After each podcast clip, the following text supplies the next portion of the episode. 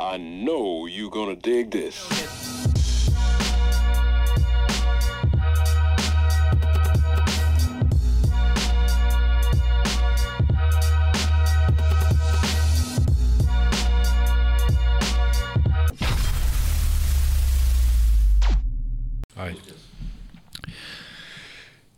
Prema tome, skupili smo se i lepim i ružnim povodom. O ružnim povodima nećemo, ali ajde kao kratko da kažem e, desilo se to što se desilo. Naš dragi prijatelj Dalibor Rondonov, poznati kao Gru, više nije fizički sa nama, ali tekako jeste u glavama i u srcima.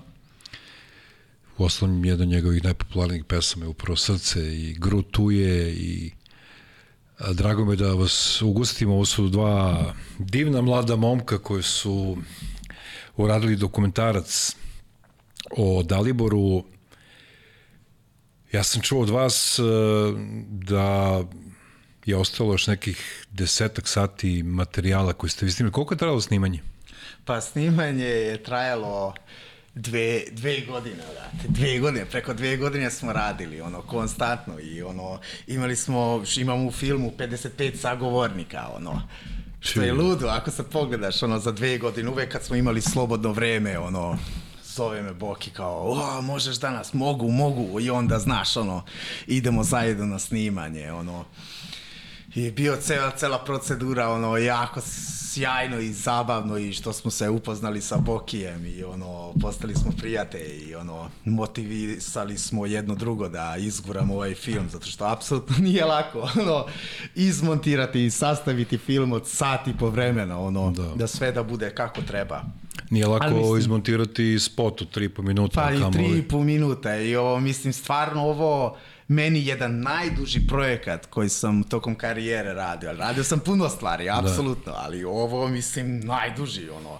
I ono sedli smo koliko puta smo pogledali Boki, jel da, ono, no, no, znači toliko puta, da znači jedno hiljadu puta smo pregledali. Bukvalno mm -hmm. svaki frame i ono sve i pre premijera ono ja kući ono gledam, brati, da li je sve u redu, ali ono našao sam jedan frame grešku u 38 minuta 49 sekundi, pa onda kažem kako i on niko nije primetio, to samo ja vidim. I ono, odmah čim sam išao kući, ono, o, da sredim i to i ono sve. Bilo da. je ludo. A, jel, evo da pitam i Bokija, je to vama prvi projekat ovoga tipa? Jeste, mislim, praktično mi smo se upoznali kod, uh, kod Mikrija, kako smo se upoznali, pričali smo o dokumentarnim filmovima, o tome odakle sam da. ja, odakle on, ja sam iz sveta sportskog novinarstva, on je u repu i tad mi je baš i pokazivao spot koji je radio za prti sa Lego kockicama. Da, kad, da, kad 20 me madije, da. da kad, to je vjerojatno drugi najteži projekat koji si radio. to, to je apsolutno, a to smo radili samo 10 meseci, taj spot i ono, ja sećam se Mikriju koliko puta je ukočio leđa, ono da. meni ukočio vrat, zašto ceo dan smo bili ovako, igrali smo sa Lego kockicama, da. bukvalno. Pa Mikri je pričao u podcastu o tome da da mu je došlo da je par puta popizdeo da je bio kao daj razbijem se ovo i ono daj snimo po znacima da. navoda normalan spot. Ti nisi, nisi radio ranije takve Pa ovako nešto ne. Mislim, zapravo ja sam prošle godine radio na sportalu e, dokumentarni serijal e, intervjua 20 godina od Indianapolisa. Mm -hmm. I onda čak smo imali zbog toga jednu veću pauzu jer sam u slobodno vreme radio i taj serijal. To je bilo Uh, tu smo obuhvatili šest intervjua sa šest uh, naših ličnosti koji su učestvovali u osvajanju Zlatara u Indianapolisu, tako da smo recimo na nekoliko meseci stopirali ceo ovaj projekat i, i on je imao svoje i spotove i snimanja, tako da smo imali te vremenske možda i rupe u kojima da. nismo ni mogli fizički da stignemo sve da uradimo. Tako da sam ja imao već i solidno iskustvo i novinarsko iskustvo je tako da znam kako da se postavim prema ovakvom projektu, ali najbitnije je stvarno da smo imali veliki entuzijazam da ovo izvedemo jer smo radili sve u slobodno vreme, bez ikakvog budžeta, samo na osnovu naše želje da napravimo nešto za svoju dušu, za svoj groš. I, I nešto da ostane za ono da, budućnost, da za novu generaciju i, i sve. Ali al, ono, behind the scenes scena da ono, pred premijera jedno tri meseca još smo imali 23 minuta od filma. Da. I ono, i, hu, ovo će biti heavy metal tri meseca, znaš, i ono, brate, montirao sam uh, ceo dan i ceo noć, čim sam ustao, pam, računar, pu i sve, onda Boki mi pripremao ko šta treba da kaže, time kodove, znaš, od 10 minuta, 15, tipa 12, iseći ovo, ovo da stavim ovde, znači Boki me koordinirao kako da implementiram sve klipove u projekate i radio sam između one montažove, znaš, ono, koje te prevodi, pa onda gledao sam sve one VHS snimke, pa izabrao sam najboje momente koje može da se uklapa u celu onu priču. Tako treba da zamislimo koji je jedan puzzle veliki, Pa ono, jest. nema sve slike, samo ti nađe slike i na kraju ono sastavi ceo taj puzzle i nastane jedna velika slika koju ovako gledaš, ono možda gleda satima i ono Da, najbitnije nam je taj Da. utisak bio da, Da. mislim, živimo u vremenu kad ljudi nemaju vremena ni na TikToku da gledaju Da. nešto 10 sekundi, Da. a da napravimo nešto sad tipu što će stvarno, ljude da, da, vozi, da, da ih drži uvuče. pažnju od ljudima, znaš, ono, da gledaš nešto sati po vremena i na sredini ne kažeš to, aj, ne mogu više, ili izvadiš telefon i kuckaš se, nego smo stvarno napravili nešto da ono, drži pažnju preko sati po vremena i to su svi rekli ljudi, ono, wow, ono, je, ono, samo čekam da još, još, još, hoću još, hoću još, hoću još. I ono, neki ljudi koji su gledali rekli su, ja bi pogledao još ono, tri, četiri puta, ono, toliko mu je zanimljivo sve ono kako ide priča i kako te vozi ono celo vreme. Mislim imali smo u vidu da napravimo nekakvom Netflix stajlu, znaš kao da nema naracija, Da. nego samo te vodi priča celo vreme i sagovornice te ispričaju ono sve. Znači ponekad gledam sve. ono neke domaće dokumentarne filmove, znaš, ono, gledaš 20 minuta i neka čika priča i ono, va, va, va, znaš, ono, počinju paukove da napravi na tebe pauči. I ono, zaspiš. Znači, apsolutno nismo teli taj oblik da napravimo filmu, nego da te celo vreme vozi, ono, kad ne pričaju ljudi, da bude nešto između, znaš, neke pokrivalice, neke, ono, arhivske snimke o Gru, Daliboru, kako priča, ili neke sa koncerta ko, za koji su mi javili posle, na primer, Marko Sija, mi je rekao da on nikad nije Sam ni video video, da te snimke, ono, wow, to ima neko, to ja imam kući stvarno i kažem, ono... Ako vas da dobro ćemo- razumem, ideja je osnovno bila m, da bude adrenalin. Da. Znači, kao što je Dalibor Da. govorio sam za sebe, adrenalin junkie, imao I da smo mi bude pesmu. ono sve pozitivno, znaš, zato što ono kako ko su rekli, ono, porodica sve, ni on ne bi teo da bude neki Da, da. dramaturgija u filmu, nego da slavimo njegov život i da pokažemo ono, da je bio pozitivan i svestran čovjek koji je voleo život, ono, i voleo stvari koje radi. Znači, film sastavlja se od više segmenata, ono, segmenta muzika, kako je, on je postao zvezda i ispričaju ko, kakav uticaj je imao on u 90-ih na ljude, kao i dan danas znaju njegove tekstove i kako je rekao, Da. Mikri ko nije znao tekst, brate, nosi, Je- išao nosi. bosonog. to, mi, to mi se sviđalo. I kad Ice je rekao da ono, posle imao neke jebačke pesme, znaš, i ono, to je ono, jako je smešno. Da, to je, ne, najde da kažemo, drugi deo njegove karijere. Da, da. Inače, naša zajednička garica Gaga, kad, kad sam ovaj, uzimao Bojano broj telefona, a dobro, tebe znam od ranije, do i njega sam upoznao kad sam gostovao baš u vašem dokumentarcu, Kaže, "Pa ne znam koliko će ide, vi bre pričate, vi više pričate više od mene. ovaj, ne, kažem, ja sam rekao, oni ljudi očigledno više vole da, da ti snimci, montaža, da to njihovo autorsko delo, a jeste autorsko delo, u pravom smislu te reči govori za umesto vas, je tako? Ali to ne znači da ljudi ne, ne treba da se upoznaju ljudi koji će gledati taj film. Inače, vas, eh, kako ste se snalazili, vidio sam tamo, pokazivao sam na mobilom, ovaj, većina tih ljudi su i po 25 godina stariji nego što su bili na nekim snimcima u filmu. Da, pa dešavalo se da e, dođemo do ljudi koji imaju kasete, ali te kasete su se ili pokvarile VHS, pa nismo mogli da ih... e, Pa da ubacimo vjesu i ništa, znaš, i ono, sa šta, šta da radim sad, gdje da nosim ovo da se očisti, ono, ili nešto, možda A nekome kako ste- kako stajalo, ste- brate, na tavanu, ili ko A zna, kako bre. ste, ima još uvek varijanta da se sa VHS-a i toga Da, prebaci ali onaj osnovni način format? formatiranja Da. nije nam odgovarao zato što je to stvarno bio loš kvalitet. Da. onda smo rešili U, onako rešili klasična ono- Slavic Science Znači, varijanta. bukvalno, ono,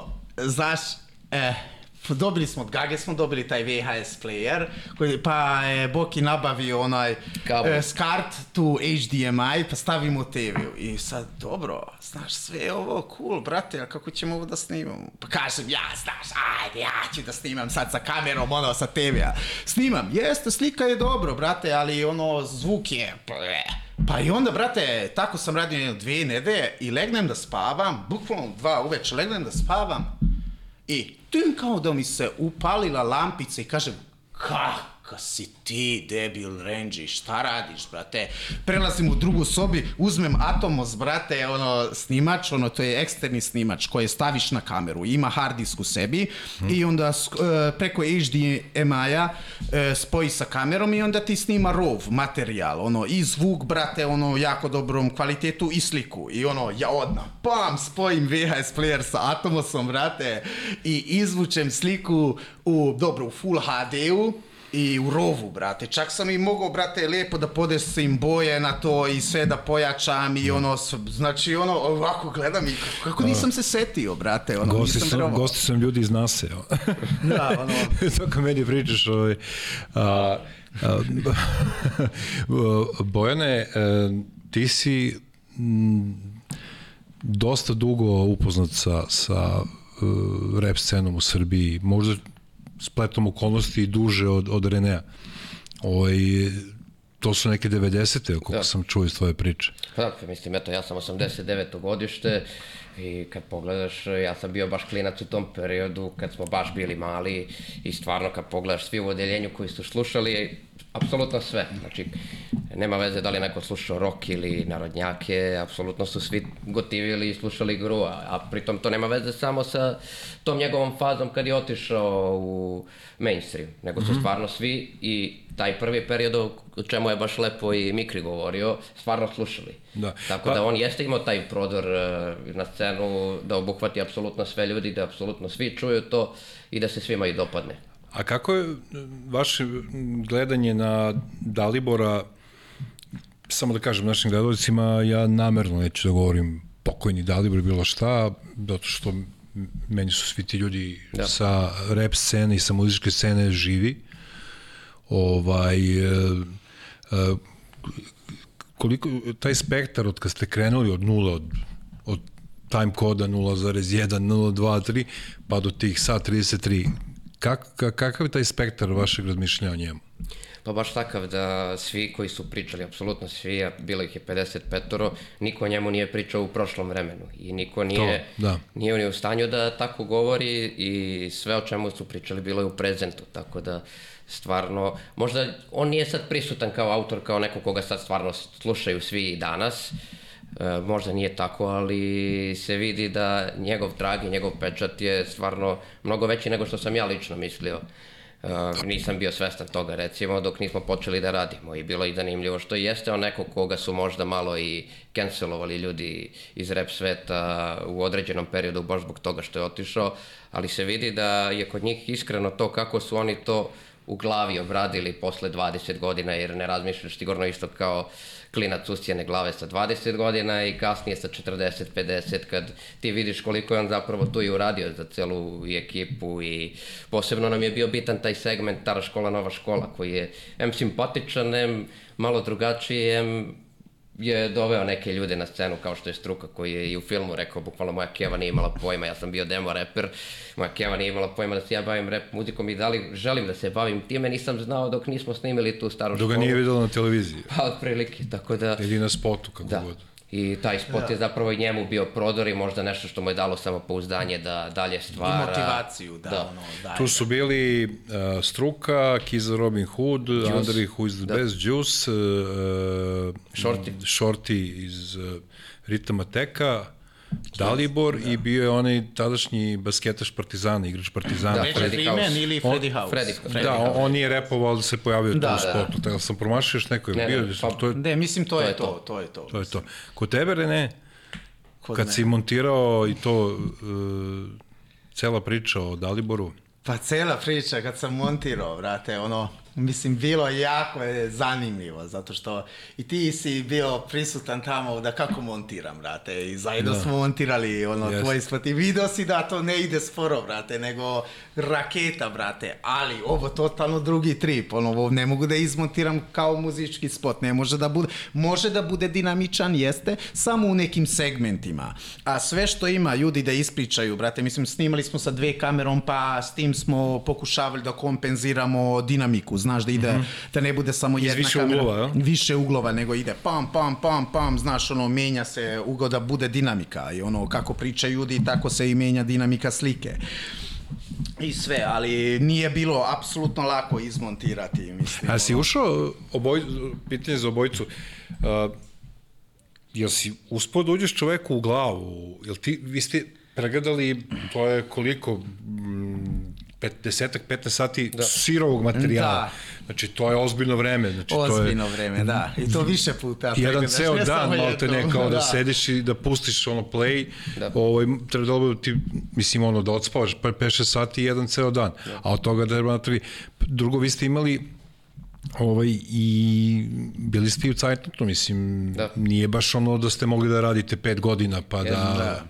Ali me zanima sa, pre, pre svega toga, e, taj vaš odnos, ono malo pre što sam pitao, e, kako gledate na njega, jel ste čuli vjerojatno sto puta njegove izjave, pa ponovo, pa seci, Da. pa vuci, pa onda što ljudi pričaju o njemu, Ne znam, meni E, je Znaš, meni je bilo zanimljivo, na primer, E, ovo sam pričao nekome i gleda na mene, je stvarno i uvek to radio, da uvek kada priča, he, ovako se nasmejao, znaš, i ono, uvek sam ono video na snimku na kraju ispriča neku rečenicu gruji, he, ovako se nasmeje, i ono, meni je bilo jako simpatično, i onda sam pričao sa jednom njegovim prijateljem i kažem mu ovo, i kaže, je, stvarno je tako, kako si dobro, ono, posmatraj, pa zato što sam pregledao sve, Da. i mislim, ono, stvarno je bio, ako pogledamo Tata Repa, na primjer, ja, na primjer, ja da postavim pitanje, na primjer u 90, zato što ovo me je kao zanima, u 95. na primjer, kad se on pojavio, ono, vi ste repovali već e, sa Who is Malo the pre, Best on, e, ili negde u istom momentu ste se pojavili? Pa sad, e, kad je Bojan rekao da je rođen 89. godine, mi smo, ja sam 88. uradio svoj prvi demon snimak, kao 16-godišnjak. Da. Da. Mislim, to nije ličilo ni na što, jako sam... Znači, moj na čemu ste snimali onda? Ma Šta ne, se... sjećam se, to, Da. mislim, to je bio neki vratno četiri kanala, nešto Da. preko neke matrice, Eric Znači, Biner, gde King ste Paid in nabavili matrice u to vremenu, ono? Ma ne pitaj me, mislim, Ono- ono... to vreme, to zna i, da, to zna i Dalibor. Da. Ovaj, e, ranije su sempleri bili takvi da, da. da nisi imao klasičan sempler, nego dva stalka od bubnja, Da. od činela i ono, i onda uh, producent ili šta već uh, nađe to na, na, na magatofonu gde počinje reč, gde se završava, izvadi i seče i veže na dva i kroz magatofon i pusti play i ono ide ovako No, ludilo. ludilo. I onda sam našao prvi ljudski, bit će da. nam i ona gošća, prvi pravi ljudski sample Ivanu Peters, koja kad se pojavila, kad smo se upoznali, ušla u studio i pevala je jedan krug, krug u isto vreme, izašla i rekla, ovo dobro, a mi ovako izlazi dete, kako, kako nije dobro, ono, znači, pevala je ton po ton sve isto. Ali, Da, bilo je, s tim što je Gru i ranije imao neke svoje bendove i neke druge Da, stvari. Twin Peaks u Da, da, radio da. spot. Da, Eine Schweiziger. ali e, taj nekako e, čini mi se da je ta njegova pesma Pravo u raj e, obeležila početak tog nekog, pa ne mogu čak nazovem i drugi talas, nego nekog među talasa, ako to postoji. Da. Da. Ta pesma, ja mislim da su je verovatno većin, nisam gledao dokumentarac još uvek, jedva čekam da ga odgledam, e, mislim da su, ga, da su tu pesmu većina ljudi pomenuli.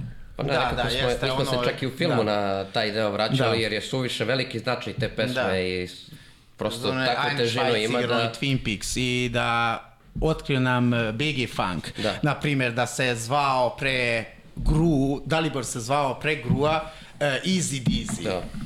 Što u jednoj pesmi kaže I'm easy, dizzy, YW, y, ne znam, Da, nešto ili smo ovako. imali, da. imali smo i onaj moment da, kao Gaga kaže, jao, pa to što je snimao sad Twin, taj Twin Peaks fazon uh, Ajne Schweiziger, kao pa to malo sad izgleda cringe, ono, izgledalo bi glupo da to ubacite, rekao, to nije glupo. Nije, to je deo zapravo istorije, istorija. da, Znači, bukvalno deo ljudi vide istorije, onako da. golobradog klinca koji pravi rap spot, I to... pogotovo u tom vremenu, ako si već imao rap spot, brate, ono, mislim, početkom 90-ih, ono, top G, Da, brate, ono, inače, ako se ne varam, uh, nije slučajno izabran datum 17, je li tako? Zato što zbog pesme pesmi, misliš, ono, da. zato što u pesmi ima 17. maj, ili Da, kako ide, 17. ono, maja, da. u pravo u raj. Da. Pa poklopilo se zapravo. Pa mislim, jeste poklopilo, zašto je tako i bilo da trebalo da bude 12. maja. ali zbog svih ovih dešavanja da, ono, stravičnih. nažalost, da, zbog svega što se, nažalost, izdešavalo, ono, pomerili su na 17. maj. I eto, pogodilo se, jel? Pogodilo se i ono, tačno na kraju u odjavnu špicu kaže ono 17. maj. Da. I ono, Povorka još se neko iz kreće, publike, tako nešto, da. Mislim, Kobaz je pitao, Kobaz, kao, jeste. Kobaz je pitao da ono, je 17. maj je zbog pesme izabran ovaj datum, ili, ali mislim, Da, tako se sudbina. uklopilo, bra, A kako ste, e, e, posle, posle tih demo varijanti, Dalibor je e, baš postao velika zvezda sa onim e, pesmama koje je posle toga uradio, iako mnogi kažu da mu je pravo raj najbolja pesma, to je sad stvar Individualno. ukusa, M, imao mnogo velikih i vrhunskih pesama, ali ta saradnja sa Sašom Dragićem, sa Komunom i da. kasnije ta cela priča kad je baš ono postao mainstream u onom pozitivnom smislu se reči, nekako je to sve brzo došlo. Uh, vi ste obrađivali taj deo, pa mi objasnite kako ste to obradili u dokumentarcu i kako ste vi to videli. Mm. Sa tona, ne znam, srce i da. Da. mnoge druge stvari. Pa, na primjer, i, i krenuli smo od početka, znaš, ono, tačno, ono, počnemo s tim da e, Biggie Funk ispriča, pa idemo po redom, znaš, i onda ide pravo u raj, Da. znači, to je prva tematka o čemu pričaju ljudi, kako je. I onda ide, pričaju Gru 2 albumu, pa onda Ili to je ti Gru sljedeći 2. seg- i Gru 2, da, da, Da. i onda idu i njegove spotovi, ono, taj, ono, to je jedan muzički deo u filmu, zato što film, e, po, e, znači, sastavlja se od više segmenata, znači, muzička karijera, one naj, najpoznatije albume njegove i onda ide sportski deo, ide, Da. i ne, i ne, znači, muzička karijera, spotovi njegovi, da ljudi, ono, pričaju anegdote iz njegove spotove, ono, kako je bilo na snimanju, šta se sve dešavalo, znaš, da mu ukrali auto u zemlju dok su snimali Juba nudi ljubav i ono, e, ode i kaže ono... To je onaj "Ej, uh, Dolce no Manhattan, ili tako? To je soundtrack sa, sa ne, Ne, ne, ne. Ne, ne, ne, Juba, Juba nudi ljubav. Znam, znam, ali, ali bio je i onaj soundtrack Dolce no Manhattan, ili tako? Isidore Da, Bjelice. ali, da, ali nismo obradili taj deo. Ne, znam da niste, Da. nego, Da. jel, mislim da se tu pojavila isto ta pesma, jel? Nije. E, to se ne stvarno. Mislim, ljubav nudi ljubav, to je neki, ono, e, Izvinjavam se oblačeni ako sam su kao pogrešio. da brate iz 1920-ih, jel Da, da, da, da. ono, i ono, pevaju, doba ono, prohibicije da, da, bukvalno, i, brate, ono, šta je vozio, Opel Corsu ili... Da, ili nekog Klija, ali Re- zapravo je čak... Clio, da, ne, to je ispričao, tako zapravo nije taj auto ali nema Da, veze. da, da, Da. Dobro, ali ono, ukrali smo auto i kao, kaže ono, e, Ajk, da, ono, takve vremene su bili ukraditi auto, pa te oni zovu, znaš, ono, da, evo, tu ti je auto, care, brate, za XX, ono, sumu možeš da preuzmeš nazad i to je, ono, ludilo, brate, ludilo, brate. Da, taj Grudva je bio hit album. Da. Bukvalno su sve pesme Sve puštane pesme su ono svuda. dobre, brate. I koliko se ja sećam, Uh, lepo su to njegovi izdavači ispratili sa dobrim spotovima za Da, to ono, vreme. baš Ipak- dobre da, spotove. I to dan danas su dobre I dan danas su spotove, dobri spotovi, ali u to vreme Znači, je to ono, bilo ludilo, kao... brate. Znaš, Da, Saša Dragić je ispričao da je to treći najprodavaniji album te godine kada je izašao. Da. Da. Pa jedan od najboljih albuma svih vremena domaćeg repa, sad uvek je to stvar ukusa, da. ali posle toga je krenuo taj neki, samo da ispričam jednu anegdotu, a, u džungli, kad je to bilo jebate, to je bilo, A tamo je Mislim- bio taj fliper koji on nije voleo, znaš, Da. on mrzeo najviše, i da. napisao da je to- Michel i da napisao to- pesmu u tom fliperu. da, ali ispričaj, ispričaj, ispričaj. Da, ima u filmu da ono Gaga priča da on jako ga nervirao Flipper iz e, kluba Džungla i napisao u pesmu Mišel o tome. znači je taj Mišel ono posvećen ta pesma tom Flipperu. Da, vidiš, nisam znao To je ludilo. To, to verovatno vrlo mali broj ljudi zna. Da. Gaga, Da, svi su se pitali kao Mišel, ko je ta Mišel? Da. Da, da, ko je taj, ili ko je ta, pardon. Ovaj, uh, jedna anegdota je bilo, u džungli smo, o, ja sam radio kao menadžer džungle i bilo mi već ono unutra, vrućinčina, ono muka ti je više već znaš i kakve pesme idu i koji DJ-evi puštaju muziku i to. I izađem na, na klupu, zapalio pljugu levo desno, tu sedi Dalibor. I mi tu nešto udarimo priču, ho, znaš šta smo pričali, mislim, ono, kao ljudi unutra ulaze, izlaze, duvaju, cirkaju. Kaže, Dalibor, jebote, Džankiću, ovaj, treba, trebao sam već da maltene završim ovo snimanje albuma, zovu iz komune, zove me Saša Dragi svaki dan, ja nemam ni jednu jedinu pesmu. I krenemo da pričamo, pričamo i ja rekao, ajde da ne obećavam ništa, jel, da ne ispalim. Evo, tebi sam obećao ovaj, pesmu, stigao sam do dve trećine, ali stoji to sve, to će izaći na tvom albumu, ali doći ćeš kao gost kad bude tvoj album. I onda, stvarno sam imao sreće, tad sam imao sreće, da uspem da napišem tri teksta, nisam napisao cele tekstove, nego kao tebi što sam poslao recimo jednu trećinu, jednu polovinu, za slučaj da mu se ne svidi da, znaš, i to su bile pesme Sanjao sam san, U vašem svetu i Pizza vegetarijana. I to sam, i sledeće nedelje opet ista ekipa, to je ekipa Soul Food, četiri sobi, o tome možemo da popričamo, siguran sam da to ima, pominje se u dokumentarcu, to je u principu stotinjak ljudi koji su se znali, koji su stalno izlazili na ista mesta. Ja mu dam, kaže, šta je ovo? Pa I, zove me posle telefona, kaže, super, ono, kao, koliko, koliko to košta? Ja rekao, šta košta? Ništa ne košta. I ta, to je bila naša priča i još jednom smo pričali, to je to je ono par, ja mislim, par nedelja pred, eh, to će naši gledalci moći da vide, posle priče sa vama ćemo ekskluzivno reemitovati eh, njegov, kako ga kaže, vrlo vjerojatno poslednji intervju u karijeri, isto emisiji Geto podcast u Siktaču, gde smo pričali ono dva sata i meni, meni se učinilo da je možda najbolje da u pozitivnom smislu zaokružimo tu celu priču sa vašim dokumentarcom, sa vašom pričom i sa njim koji će najbolje da ispriča tu celu priču o svom životu, o svojoj karijeri in his own words, što bi se reklo za pokojnog Tupaka, da napravimo taj specijal koji će ljudi moći da gledaju ekskluzivno na Infinity Lighthouse i na Geto podcastu koji će se zvati specijal 180, 3 sata o Daliboru i za Dalibora i onda ćemo podvući crtu u najpozitivnijem smislu te reči i nastaviti dalje da, da vodimo račun o njemu, jeli?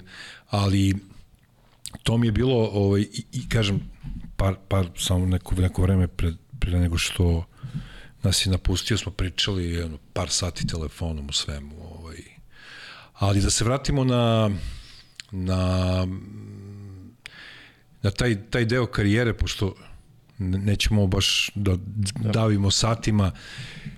Kuro je uvek imao najbolje skoristim neki izraz na, lepe devojke spotove. Izvolite, momci. pa da, ako sad pogledamo, brate, na primjer, petak spot, brate, to je, o, i dan danas, brate, ludilo, i ono, sve te devojke, i svi u bikinijima, i brate, da. ono, dan danas, Ili da ne, za- brate, ali ludilo, da, da, zaboravit ću, pošto sam retardiran, hvala pošteni gledalci što ćete to da potvrdite u komentarima, Biće tu. Da. Biće To je brate, bio da. ogroman hit. Da. Verovatno veći hit nego Pravu raj, je Da. drugačija pesma. Pravo raj je ipak teška pesma, Da. posvećena i to možete da kažete njegovoj devici, koja tadašnji devici koja je preminula. E, ali e, nekadašnji njegovoj devojci, to je bilo početka 90-ih, ali to je bilo onako za uzak krug ljudi, Krug, jeli? A Bić tu je svuda bilo. Da, ono, i Uvek biću ti. I dan danas, brate, bilo gde idem na neku kućnu žurku, brate, svi puštaju biću tu, brate. Srce. Možda, srce uglavnom ne, ali petak, ono, sigurno je ljubav nudi ljubav. Ono, Da. I uvek bilo gde idem, brate, slušaju ljudi džuskaju. Zašto napravio takve pesme, brate, na koji može da se džuska. Rep, ali, brate, može da se, ono, lepo da se provedi. Boki, Znači, brate, odakle bre sve te, mi smo bili ljubomorni bre, da li bore, odakle bre te ribe u tvojim spotovima? Da. Dobro, mislim, nekako, možda bih se vratio samo i na ovo tvoje pitanje prošlo. E, nismo ti na kraju ni konkretno govorili oko ta prva dva albuma. Mislim, meni se nekako činilo da je on bio, da se baš vidi da je on bio u tom procepu između te ekipe tvrde i da je stvarno i želeo e, da napravi nešto komercijalno, da napravi pravi bum e, i posebno dobar moment imao i BG Funk koji je baš ispričao da su svi kod njega videli da je bio taj boss lik koji je tačno znao šta želi i apsolutno u svim segmentima da, da je razmišljao od nastupa do albuma, do spotova, do toga kad će šta, kako da plasira, sad idemo na turneju pa pravimo 200 koncerta u godinu dana što je stvarno impozantno za ono doba i posebno za taj žanr koji je tek počeo da se probija.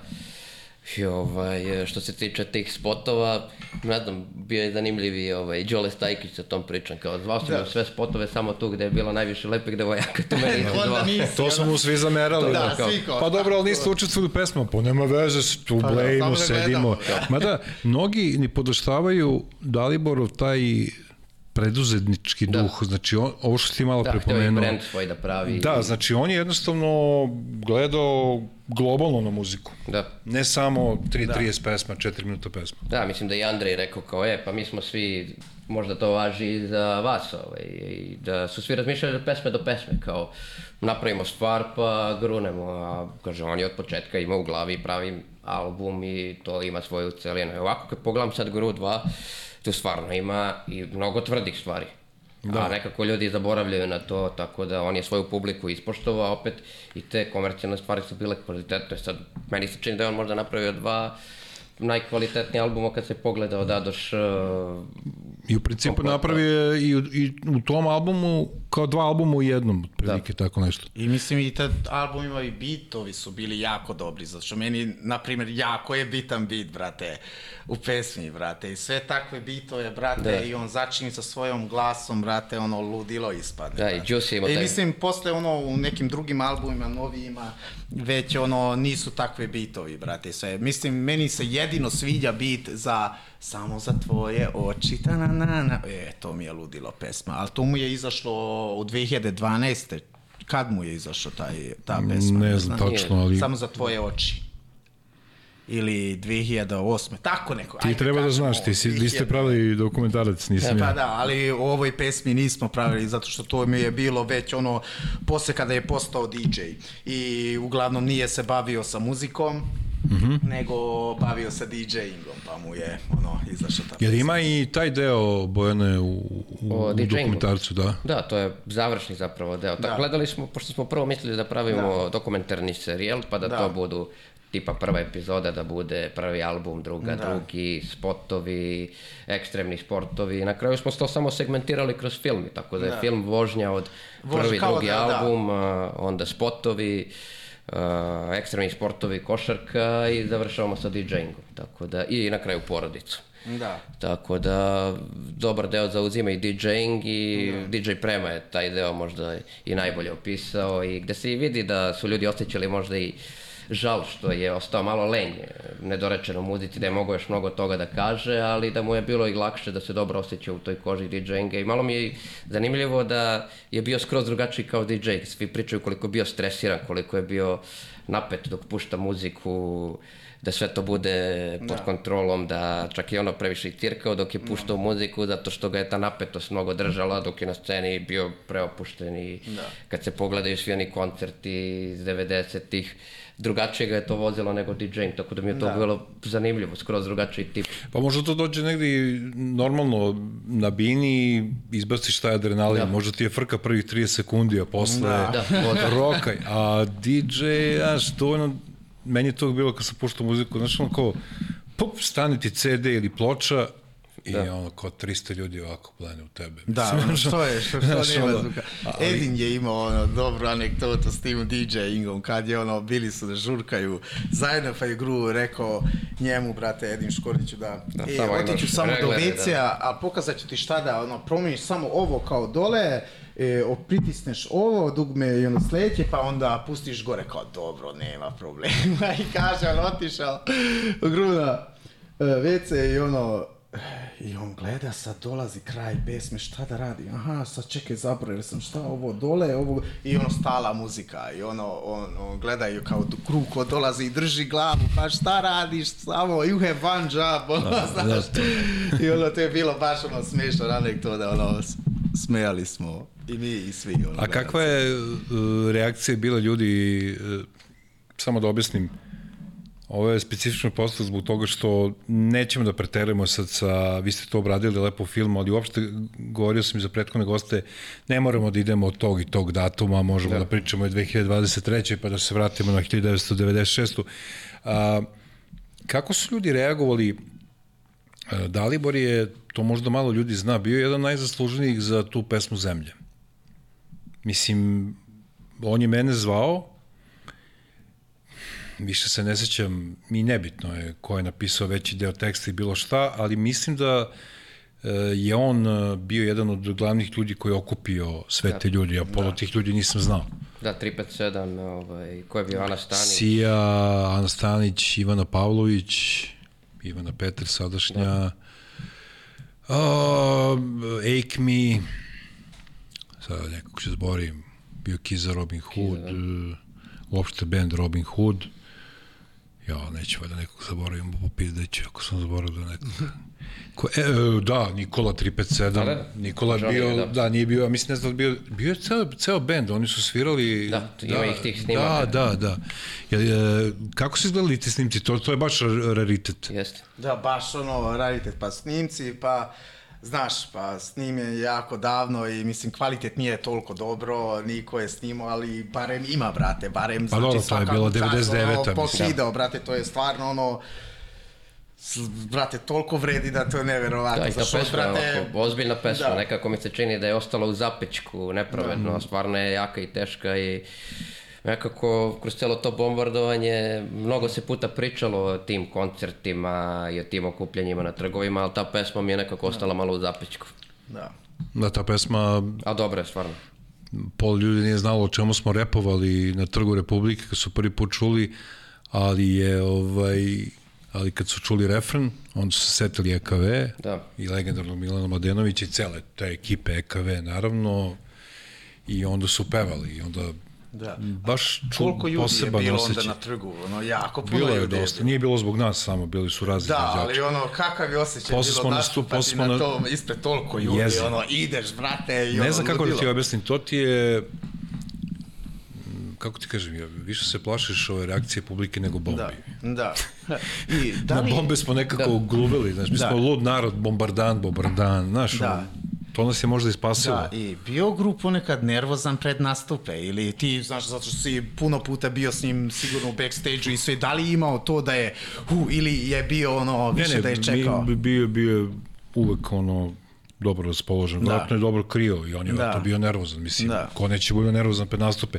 Drugo je kad nastupaš 250. put, pa onda Da. da. više ni ne gledaš ni koju ne ubini, ispričaš svoje, odrepuješ i kažeš, ali nastupali smo s tom pesmom posle i na Savskom mostu. Da. I nedugo posle toga su krenule sirene, a mi smo uh, Sija, ne znam, Kiza, ta cela ekipa Novobeogradska, mi smo ladno preko Savskog mosta, da. krenule sirene, nekako splašiš se, ali ne priznaješ strah kao da. matematiku, kao bilo šta, kao jebi ga, ako poginem, poginuo sam, ali nekako, i tu je bila anegdota, pošto je ovaj, vlasnik, to su bili, u publici su bili, bilo dosta murije, ja. ne u- na trgu publike, nego na Savskom mostu.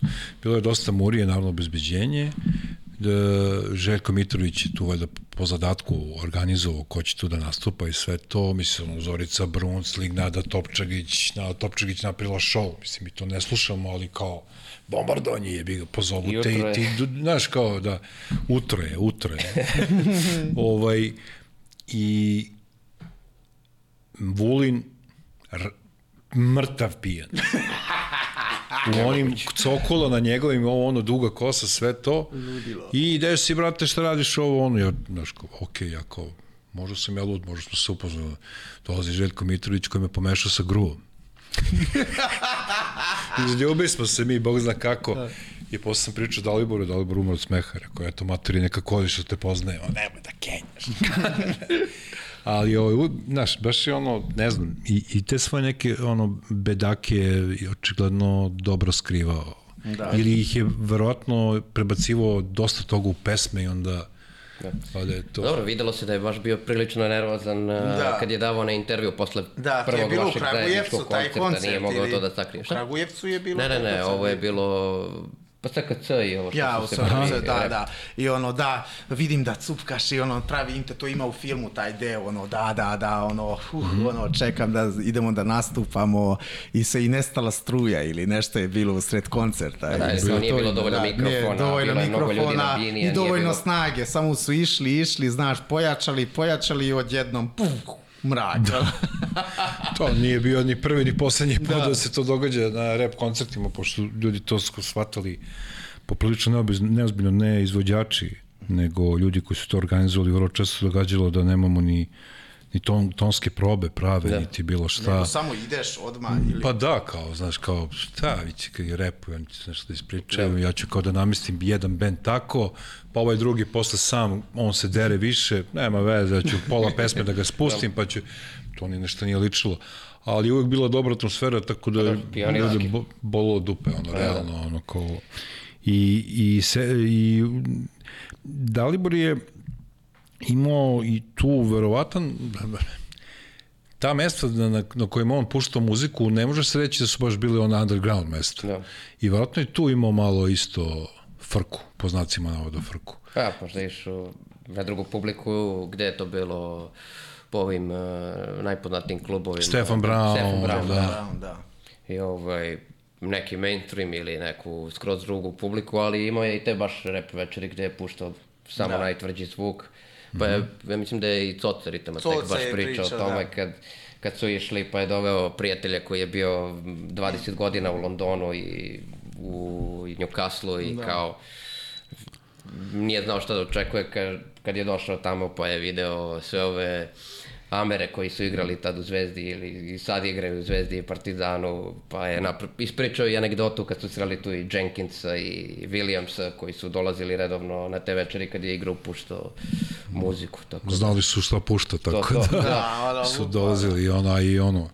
Tako da je on znao kad može koju mjuzu da pušta, da li da, da. pušta nešto najtvrđe ili da pušta neku komercijalu. Da, a zato što je razumeo za muziku, da. ono, to smo saznali isto da muzički je bio potkovan, znači ono je znao tačno šta treba publici da se spušta, ono, da. šta, o, pogledaš, aha, aha, aha, dobro, i ono pustiš, brate, ono, da, to, mi... što oni najbolje, brate. Da, ili bio zanimljiv i taj moment kako je radio sa ljudima u studiju i Leontina koja da. je pričala da da je njoj davao puno slobodu, da, da. vokalno sve što ona želi, kako želi da odradi, ali zato oko nekih drugih produkcijskih da. stvari koje su čisto tehničke, da je ljude znao da vrati za jednu činelu i ono Jel beše Leontina pevala biću tu? E... Mislim da jeste, ona je ili imala i za leto, ono, još jedno novo leto. Pa, ne ili je pevala preteće, ne, ili... Ne, ne, ne, da, znam. mislim da je devojaka ne pevala znam. tu, ali da je ona najveć, najvažnije pesme je ona iznala tu. Da, zašto, znaš, imamo onaj koncertski snimak, ono, kad pevaju Biću, a to, to dve devojke nisu Leontine, nego pa da, moguće da je ona studijski drugače. to otpevala, da, da su sve... da. nisu Leontine. Jedna je Leontine. to bi vam ona najbolje ispričala. Ovaj. Da. Ovaj, ne, mislim, ne poznajemo se, pravo da ti kažem, ali uh, ovu njegovu ekipu, i, on imao strašno zanimljivu ekipu saradnika. Prvo teksta, radio je sa Kix Malerom, da. koji je bio i fantastičan tekst, tekstopisac i sarađivao je sa mnogim drugim ljudima, nije uh, kapiram da nije imao taj ego trip kao ja moram napišem sve tekstove, mora sve da bude moje ovo ono, nego da. kupio od ovoga, kupio onoga, što su u principu i radio hip hop. Da.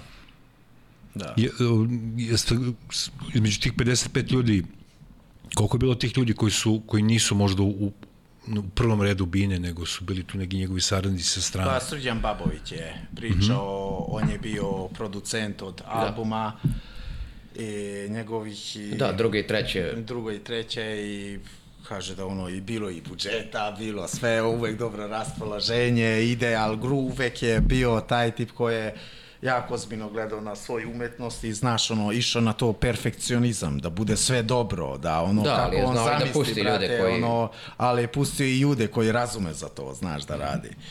I sve. I onda ta informacija da preko godine imao koliko 280 nastupa, Pa brate. 240, 200 Znači, tako nešto. to i to, To toliko svaki dan, puno, da, ne. to, brate, skoro svaki dan, brate, ono, zamisli već kad izguraš celu godinu sa koncertom, zadnji koncert, ne da znaš već na pamet sve pesme, brate, niko, iako te probude, onda znaš. A de, de je nastupao sve, ja kapiram po celoj Evropi svuda, jel? Pa da, bilo je čak i one jedne na Balkanu, turneje, ja da. mislim. Pa da, i po Balkanu, ali bila je, da. mislim da su nešto i po Nemačkoj, da, Da, su tu da, imali da, neke da, da. anegdote Da.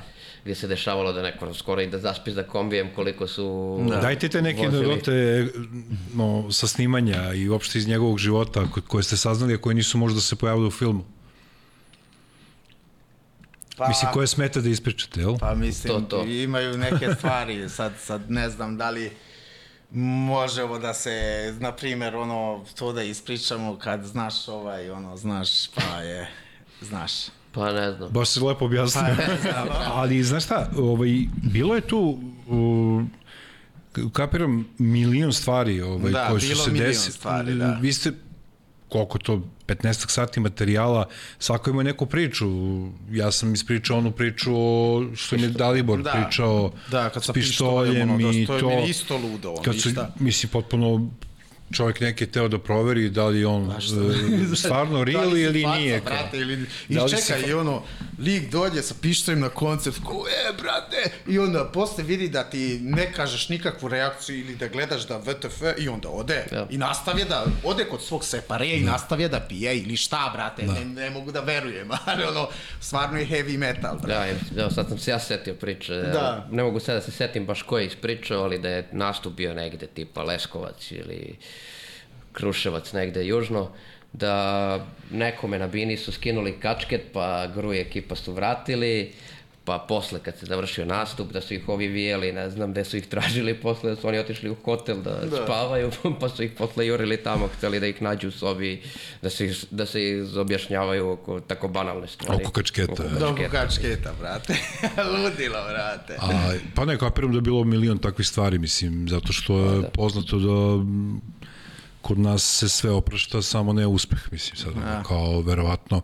Bila je ona idiotska priča, jao, ne znam, pun je ko brod, pa, znaš, kao, zamisliš da je u to vreme bilo YouTube i sve to, ja mislim da, Da. za Dalibora mislili da sam kupuje svoje lajkove, subscribere i to, a nije bilo. Da. Kao, ne znam, pa ovo, pa ono, pa, pazi, E, jeste on imao skupe spotove, ali nije on došao... Nije on to platio, brate, to Da, ali- platio izdavačka kuća, kako je ispričao Dragi. I bilo 10.000 maraka, ono, spotove, brate. Uglavnom, sada ako pogledamo i, brate, to je baš veliki budžetski spot. I zato i dan danas dobar, brate, zašto su radili, sad svaki debil može da ima kameru i da snima sve, ono, da, ono, loše izgleda i sve. A tad, brate, radili su profesionalci, brate, veliki budžet, uzmeš najbolji ude i napravite takav spot, brate, koji će, brate, da traje 20 godine i više. Da, eto meni možda krivo što nismo snimali nikog iz te Cyber Film Da, ekipe Cyber koja je Films, tako se zvalo, Da, ono, pro, ne znam da li još postoje, ali mislim, sv- ako još postoje, svaka čast ljudi je, pokidali ste, brate. Prvo mora pesma da bude dobra, Da. naravno, ali Da, da. upravo to. Ali mislim, cela scenografija u njegovim spotovima, na primjer, Ljubav nude ljubav, ajde opet da kažem, toliko je dobro, brate. Mislim, stvarno kao filmić izgleda, kao mali film i Gru isto ko smeška tamo i ono, peva lepo, brate, dobro izgleda, vizuelno sve. A da li, kažem, nisu oni njemu, brate, dali pare zato što ga vole. Pa da. Da. Nego zato što im se svidao album i, Da, i ono videli su oni neku... pesma i vide, ono, o tome biće, brate, hit. Pa videli su neku svoju računicu. Da, hvala Mislim, ono, Tako je. ja znam koliko su koštali spotovi K2 Da. u, on, u to vreme, krajem 90-ih, to su bile neke cifre Da. koje isto komuna plaćala Da. po 15.000, su tad bili, su marke bile, jel? Da, Ili marke, evri, marke. marke. Mislim, a mi, naš, radimo za 50 ono i to drugari nam uzimaju pare samo maltene za benzin i kao za montažu i ovo ono sve na tam te vam te drž da nabije. To to, crno-beli spoti. pričao, mislim, Marko i ja, brate, da u tom vremenu, ako nije neka ozbiljna izdavačka kuća stoji iza tebe, jako je teško bilo da ima spotove. Nemoguće. I njima su ono, imaju dva spota Da. koje je snimao, sad ne znam već koji TV. BK, Da, da, posle možda. su oni imali za BK, da, ono 2003. kad Da. su tako nešto. Četiri. I, brate, ono, to su snimali, brate, i sve, i apsolutno nije bio lako da dođeš do toga da imaš muzički spot koji je dobar, ono, znaš, i ono A sve. pogotovo što u to vreme ako propustiš spot u ne znam koji je bio na top listi u 9.15 uveče, ti moraš čekaš nedelju dana, Da. nisi mogao da vratiš nazad pa da odgledaš, nisi mogao da pogledaš na društvenim mrežama, nisi mogao da vrtiš 15 puta, morao si da kupiš CD, lutko, Da. pa da slušaš Ili to. kasetu. Ali meni je, meni je to onako, i to je lepo bilo. A to je lepo, sigurno je lepo bilo, ali brate, ono, mislim, zato što jedva si čekao emisiju da gledaš ili radio emisiju, znači, ono, to bih volao da se vratim u vremenu da slušam tvoju emisiju, brate, ono šta si imao, zato što svi su Vo. rekli, to je bilo, brate, tako dobro, ono, tako dobro je bilo, Da. to bih volao, volao da se vratim u vremenu i da slušam tebe, brate, kako kidaš. Meni je- I kako je ispričao Đus, brate, da svi su te čekali onda kod radio kao, politike staneš ili... ispred i da, čekaš. ono, staneš ispred i ono, sve, svi te čekaju, brate, da siđeš i da predaju njihove demo trake, brate, kao Džankić, evo dolazi, brate, E, ono, ti to. veruješ, a, sad će zvuč, zvuč, zvučiti ono kao glupo, isfolirano, kolika je meni bila frka kad sam uzimao te snimke sve to. Znači, ja znam kad sam ja predavao prvi snimak, mislim da je to bio Radio Beograd i nešto, ne sećam se, ovaj, na Da. da. mislim, ono, katastrofa, ono, mm, ovaj, e, tako sam se ja osjećao, e, bukvalno vidiš mladi ljudi Da. kojima je to sve u životu Sve u tom u trenutku, znači... I sve zavisi od Da li tebe, imaš brate. e, para za patike, da li imaš za pljuge, da li...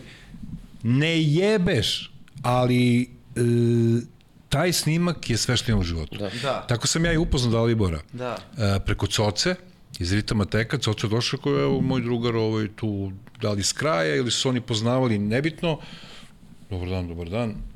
Imam jednu pesmu, Pravo raj. Telefoni, d, d, d, d, ko je taj, ko je taj, ko je... Jel, on je beš imao i, čekaj, kako se zvao, Ajne, Ajne, Ajne Ajne. Da, to je bio, ali to je bio neki da. dance. Početak, baš To je početak, To, to nema veze sa hip-hopom, ali ono kao upoznavanje sa muzikom, da. Da.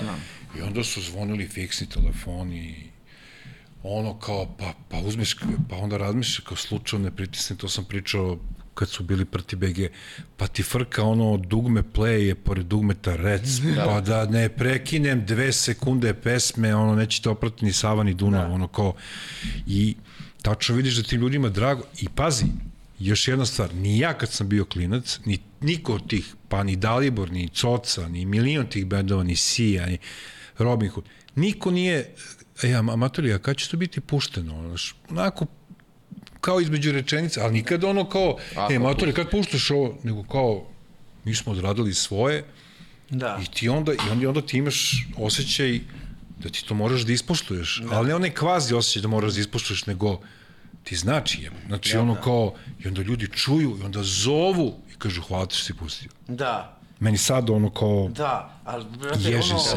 ono, pretpostavljam da dobio si jako puno kazete i svi, i Juice, i ono, Da. svi ti poneli, i ono, kad si imao vremena, odneo si kući kazete, pa si slušao A meni je ovako, bila ljubitelj. frka da. u autobusu, brate, da mi, znaš, ko mi ispadne negde, Da. da. ono, šta sad da kaže, znaš kao, i onda se odneš kući Da, i slušaš ili, na a, Walkmanu imali ili smo, na imali smo e, ekipa koja rada tu emisiju, nisam bio samo ja daleko od toga, onda dešavalo se da posle emisije odem u, dru, u drugu, u, drugu, drugi studio i onda pustimo tamo na velikim zvučnicima i slušamo pesmu po pesmu da. i otprilike to ili po kućama ono podelimo i sve to. Da. U principu tada je bilo sve sa kaseta većinom i magnetofske trake, ono, bad copy su Ono, don- TDK kazeta, da, verovatno, bad, ili cop, nešto bad copy su doneli ovaj, na, na magnetofskoj traciji svoj prvi snimak i to sve. A, I to je bilo, ne znam, kažem ti, zbog nekih stvari mi se plače, zbog nekih stvari Da. da. sam nasmejan. Ono, rekao bih da je osmeh uh, nešto što preovlađuje kada pomislim na Grua, ima Jay-Z on jednu lepu rečenicu, ne treba razmišljati o nečijoj smrti, već o e, slaviti nečiji život. Da. I to ja vidim da ste vi uspeli da uradite u dokumentarcu. Da, to nam je i bila želja i čini mi se... To ste da- rekli na početku, da? Da. Da.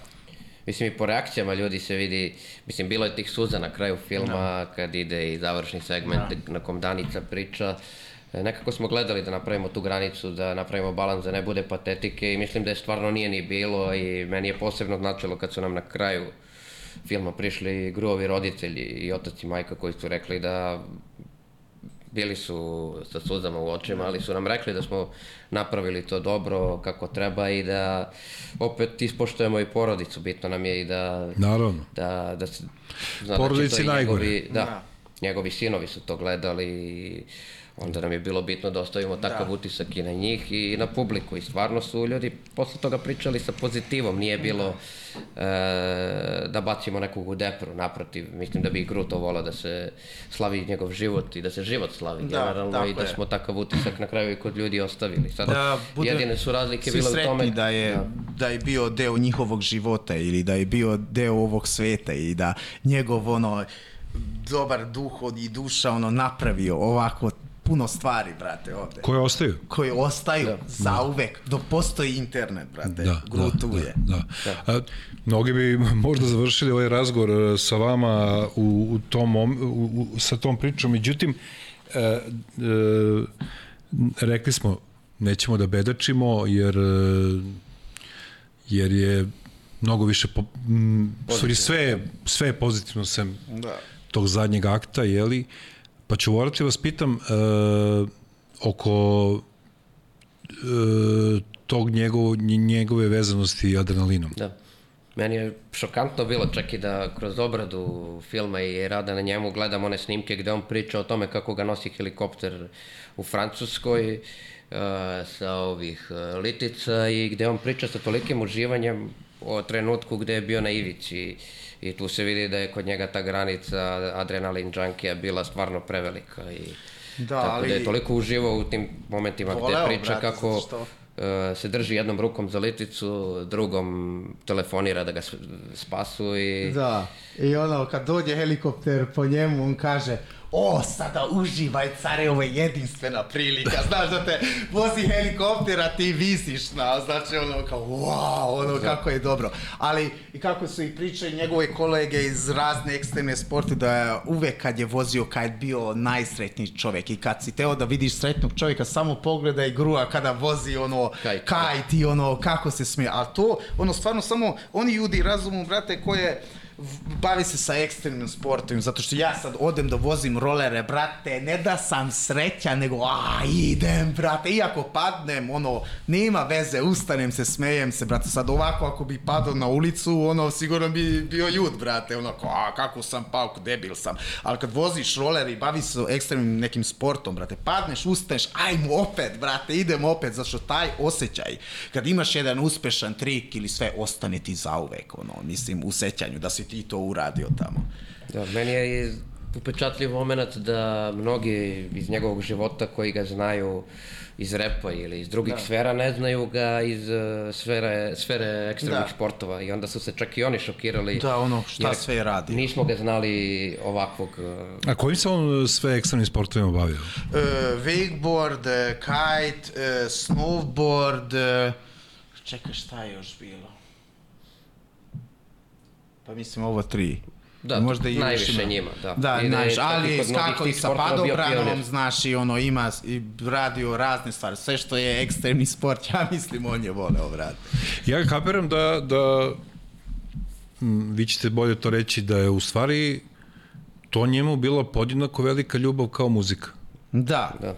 Da, isto to. Ja mislim, ali stvarno isto to, zašto isto na muzickom dobiješ neku adrenalinu kad nastupaš i sve, znaš, ali ono, dok ne uđeš u so prvo 30 sekundi, minut ili prva pesma kuca ti srce, znaš, i ono, imaš neki osjećaj u sebi. Znači, a to samo na početku, pa kad ono sve ide, onda samo ide sve i koncentrišeš da ne promašiš tekst, da. barem ja. Ja, mene je upečatljiva i ona rečenica, ona nije ušla na kraju film, malo je Da. možda i surova i Da. premorbidna. Sergej Trifunović kad je pričao, čak i Sergej Trifunović je i gručio nekim ekstremnim sportovima. Da. i gde kaže da ja ne bih mogao njega da zamislim da on uh, umre u 90. godini u krevetu ovako, da, da je toliko suviše bolesno voleo mm. sve te sportove da kaže da je prosto čak i način na koji je otišao pokazao koliko je bio strastven u svemu što je radio. A jel uh, ima on, uh, kad se pomenuo Danicu, samo da kažemo našim gledovicima, Danica je Daliborova supruga. No. Uh, jel bilo, upravo sam dovožen na tu tvoju rečenicu, da li je bilo naznaka da možda on svesta nekih stvari koje će mu se dogoditi u životu ili tih nekih rizika ili jednostavno toliko volao to da nije razmišljao? Da nije bilo tu apsolutno nikakve kočnice, niko nije mogao da dopre do njega da mu da. kaže čak. Svi, su, svi koji su se bavili tim ekstremnim da. sportovima su imali neku kočnicu. Da. Uh, Nigor je recimo pričao o tome. Da. Znači kad sam doživeo tu i tu povredu, rekao sam sebi druže, ne da. možeš više, nemaš više 20 godina, neizvodljivo je, ali on je jedini koji je bio da. u stanju da sa nastupa direktno ode da, da vozi, da vozi kajt, ono. kajt, da završi nastup, da ode da.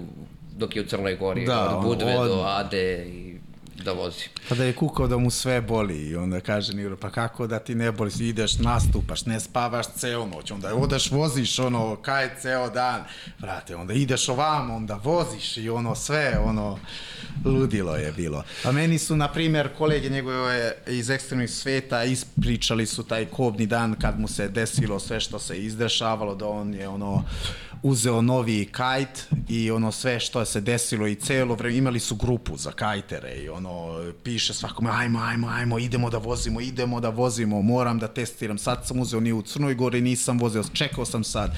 I svi pišu pa duva košava brate ne može ja sam već skoro tri puta poginuo kad smo vozili košavu pa nećemo ono možda budeš lud. A ne pa imam kajća u nogama imam idemo idemo idemo ono Da. A jako je voleo sport i voleo kad duva košava, mogu da zamislim ono i meni na osmom spratu tako duva, brate, ne mogu da otvorim vrata. Da. kad, I znači ono, mogu da zamislim kako duva tamo napoj, to mislim stvarno ono, ekstremno je, ekstremno je. Iako si iskusan. Da, ja bih rekao, vozio je i dalje vozi. I vozi. dalje vozi, tako je. Da. Momci, hvala vam puno što ste bili tu.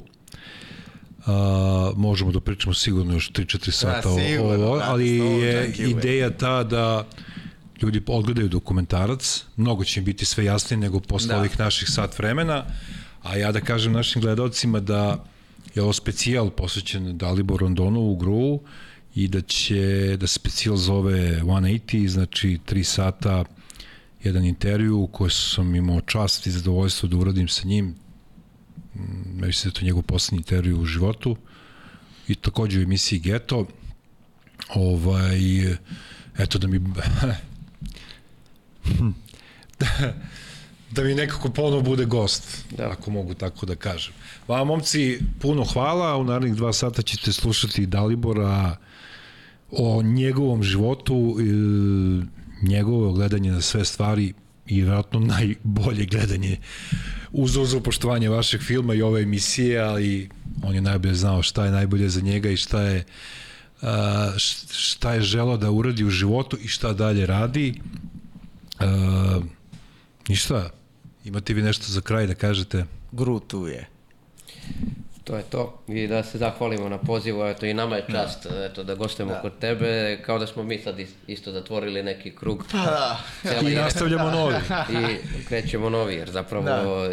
dosta toga je i na rep sceni krenulo zapravo od da. tvoje emisije. Da, da, hvala ti na tome, konkretno što se Dalibora tiče, rekli smo, podločimo jednu crticu i onda nastavljamo dalje. Tako je. Tako Vezano je. i za njega, i za rep scenu i ovo je podcast koji je podcast urbane kulture, prema tome bit će mi drago da ugostim i mnogi ljude koje vi poznajete iz sveta umetnosti, glumce, pevače, umetnike, slikare, vajare, repere, iz bilo koje književnike, bilo koje, iz bilo koje grane umetnosti, bitno je da propagiramo to, a vaš je veliki doprinos što ste jednu ikonu uh, popularne muzike predstavili baš u onakvom svetlu onako čini mi se kako je trebalo, kako, kako barem ljudi kažu.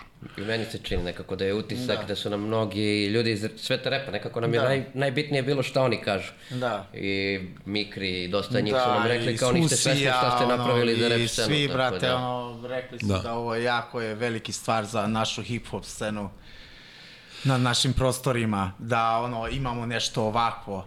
Ali zapravo nismo ni mi, to je Gru radio. Da, to je mi smo Gru samo radio, mi smo samo ono sve obuhvatili njegov, sve stvari koje on radio, ono. Sve što je, brate, ono, čovek ko se bavi sa tokom stvarima i svih stvarima je dobar, mislim, Da. ono, to je ludo, brate, jako je ludo. Jeste. Ludo, granica između ludog i Da. normalnog i nenormalnog, ko će to da kaže. Uglavnom, veliki pozdrav za sve njegove fanove, veliki pozdrav za njegovu porodicu, prijatelje i grutuje, kao što si ti lepo rekao, i bit će uvek tu. Tako je. Tako je. Mislim, Svako- bio je prorok, tako je svojim Da, da. pesmama. Grutuje, u, bit će uvek tu. Da. Da, i moje srce. Da. I to je to, srce i dalje kuca. Svako dobro, momci.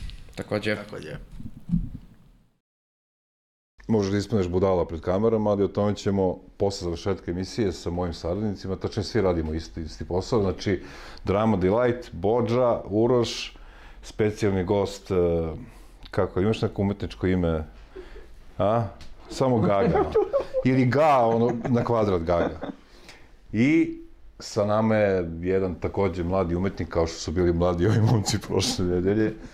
A, želim pre svega da da zahvalim se ljudima na lepim kritikama i popravljamo se iz četvrtka u četvrtak. E, Ovaj, naš gost je obećao da će već za sledeći četvrtak da nam kupi neke kamere i neke stvari, ali dobro to. Šalim se. Ćao, Dalibor. Dobro jutro. ja, ja prvo moram da kažem, ne, ne, nisam ja mlad kao iz prošle emisije, ja sam malo mlađi. A ti si malo mlađi, Ja da, malo dobro, ti si već ta neka srednja generacija kad bi gledali ovaj drugi svetski rat. Kao i ja. Ovaj, koliko se znamo, predugo. Da ne, ne počnemo kao, kao ove devojke, kao... Ja, koliko Kako već, during the World War. Da, da, during the, ali ono... Uh, ne, ne, ne, ne, ne želim da znam koliko se znamo, ali... Uh, od čega želiš da počnemo? Ja sam munju, munju i... i Pokušavam da se računam koliko dugo se znamo, ne znam da brojim. Dobro da se probudiš, čovjek leže oko 5, pola 6 ujutro, tako da ne zamberite ovaj. To, to. Ni meni, ni njemu, ja ne spavam, on kasno leže, tako da u proseku sarma. Ali, ovaj, pitao sam Unju i Mašalu, o, kad su prvi put, šta su prvi put ovaj, čuli u životu, ne znam, nebitno sa koliko godina, nego da su čuli da im neko rekao ili da su znali da je to hip-hop. Uh, ali ne bi... Baš pesma, A ne, ne bi, a, vidi, a, što se pesme konkretno tiče, ne bi znao šta ti kažem, zato što pre nego što sam se stvarno zainteresovao za hip-hop, sam čuo, ne znam, i Public Enemy, i da li je pre toga bio i De La Soul, da, nije De La Soul, ne sjećam se više šta je bilo, ali Public Enemy sigurno, ali pesma koja me vezala za hip-hop, ili album koji me vezao za hip-hop je Straight Out Compton, NWA. NWA. E, drugar, dobar, dobar drugar iz osnovne škole koji je u nekom trenutku otišao za Švedsku, žive je tamo, on je došao u nekom trenutku, čini mi se to bilo 90. godina, ovaj, došao u nekom trenutku u posetu i sve to i doneo mi jedno desetak ploča, između ostalog i Straight Out Compton i kao tu ploču sam stavio, kao pustio, bio sam u kao to je to. Da, da, to je bilo, to je bio neki kraj 80-ih, je li tako? Pa 90. ja mislim, Pa 90. to, negde taj da. prelaz, Da. osma, deveta decenija prošlog veka, da ne računamo kada je to bilo, to je bio stvarno legendarni album. To, tu su još svi bili na okupu. Da, Sa da, Izijem i Da. cela ona originalna ekipa, Jeste. MC Ren, Dre, Jeste i ceo album je bio fantastičan, ono, kao i zvuk kakav je bio i e, tekstovi. a to je bilo nešto novo u to vreme, mislim, realno, Pa to je bio potpuno neki novo, jer nisam, nisam imao prilike da čujem, da. da, nisam imao prilike da čujem bilo šta slično od... Reci mi samo pre nego što ovaj, nastavimo, uh, kafa, kola, šta, Mm, kafu ne, može neka kisela, Coca-Cola, šta god. To, može. To je okej. Kisela Coca-Cola onda. Kisela, jednu kiselu Coca-Cola. Nisam znao da to postoji, ali dobro. I a, dalje si krenuo to polagano da proučavaš i odlučio si naravno koji ver- verovatno svi ljudi koji su bili zaraženi tim virusom, kao što da mi probao i ja, je li tako? Pa da, ali opet i to je bilo onako malo, nekako su se sklopile kockice kako treba u tom trenutku. Ja sam, ja sam u to vreme već bio u muzici na neki način, interesovao se za muziku, već sam imao neki rock band. u- Nisi puštao muziku, nisi bio u tim pričama, znači ne, ne, samo isključivo nisam bio muzika DJ. kao... Opet sa tom nekom muzikom koja ima veze sa hip-hopom sam bio u nekom kontaktu, to 88. čini mi se, breakdance, ne znam šta, ali nikad nisam razmišljao o samoj muzici kao je hip-hop, to je ono što me interesuje. Mhm. ovaj, u to vreme sam stvarno slušao sve i svašta ovaj, i, i imao sam neki rock band, bio sam pevač tog rock benda, ono, no, srednja škola. Ovaj, i, i, i imao sam čak i neke demo snimke koji su možda imali neke dodirne tačke sa repom. U stvari, eto, repovalo se. Grupa se zvala Ajne Švajciger. I imali smo pesmu Twin Peaks Rap. E, to, to, Rap, to brate, je bilo, ne, to je bilo na nekim e, domaćim... Bilo na nekim listama, da, čak ono smo tipa bili jako Radio blizu. Beograd, e, Studio Bay, bilo šta. Radio Pingvin, radio, više ne znam gde su sve te bile neke demo liste i ovaj, na ne, nekoj od tih demo lista smo nešto pobedili pa smo bili jako blizu snimimo album i sve to, međutim nas dvojica smo bili kao taj neki, nas dvojica smo činili Anja Švajciger i ovaj, a bili smo dosta različiti i to se u nekom trenutku raspalo. Da. Evo, da ovaj. Da, da, to sam počeo ti pričam, izvini. I Ništa, ništa. ovaj, a, onda sam krenuo na višu poslovnu, tu sam upoznao Coleta iz grupe Ritama Tek i to je bio prvi čovjek koga sam upoznao u Beogradu, sluša kao ono što ja slušam, bio sam uzmano kao, "Ah, jel moguće? Dva čoveka u više milionskom gradu. da, još i više u to vreme, to je neka 91. bila, na primjer, u to vreme je krenulo ono, ono, rat i sve ostalo, pa se sve prevrnulo naopako, te srednjoškolske žurke, više se nije puštala normalna muzika, na tim žurkama se puštali narodnjaci i sve to, pa onda ja dođem kao ubacim krenuo- kasetu za one koji znaju šta znači Taj krenuo kaseta. muzički, da, da. Znaš, kao ubacim kasetu i pustim NW. Sad će neki mlađi slušalci na, na Google, kaseta, kaseta? Maxel XL2. Znaš šta, Kakvo je ovo sranje. Ovaj, ja samo može neko da mi, da mi isključi ovaj, ovaj eksterni ovaj zvuk sa laptopa, ono, ne mogu da slušam sebe ni u real time a kamoli sa, Kad kasno. sa zakašnjenjem. Ovaj, brate. pratim, pozdravljam sve naše gledalce, chat je uključen, stižu a, pozivi za grua, dosta ljudi očekamo imati na, sa desne strane, naravno, ovaj, tu mogućnost. A, kad smo kod Soleta, Ritamatek je jedan od bitnijih ljudi u to vreme, 90-ih, ono, dok je Ritamatek i postojao, a, i tu smo se ti i ja upoznali. Ti si sa Pa ja Coletom mislim došao da je u on geto. mene doveo da, Da, i na donao svoju politiku. kasetu na kojoj je bilo uh, Pravo raj. Pravo raj, da, da. Pa u to vreme, u to vreme sam nekako rešio kao ajde da probam, da probam da, da, da odradim nešto sam. Čak nije trebalo da budem sam, trebalo je da bude još jedan tip. Tu sa, jer meni u startu mi je bilo iskreno malo teško kao da se ljudima predstavim kao solo izvođač. Mhm. Znaš, kao nekako je lakše uvek na bini ili bilo gde da imaš još nekog pored Pa dobro, sebe. u to vreme i su Znaš. retko bili, retki su bili solo izvođači, većina su bili bendovi. Da, ono. da. I napisao sam pesmu Pravu raju, odradio muziku i sve to i kad je trebalo da se ide u studio, našao sam nekog drugara koji je bio u fazonu, e, mogli bi mi to, međutim on ispali za odlazak u studio. Znači, tu se čak nije ni znalo, još nismo rešili koji deo teksta ću njemu da dam da on odrepuje. Realno, A sada bi bio bogat čovek. da, da, da, da, ko zna, brate, da.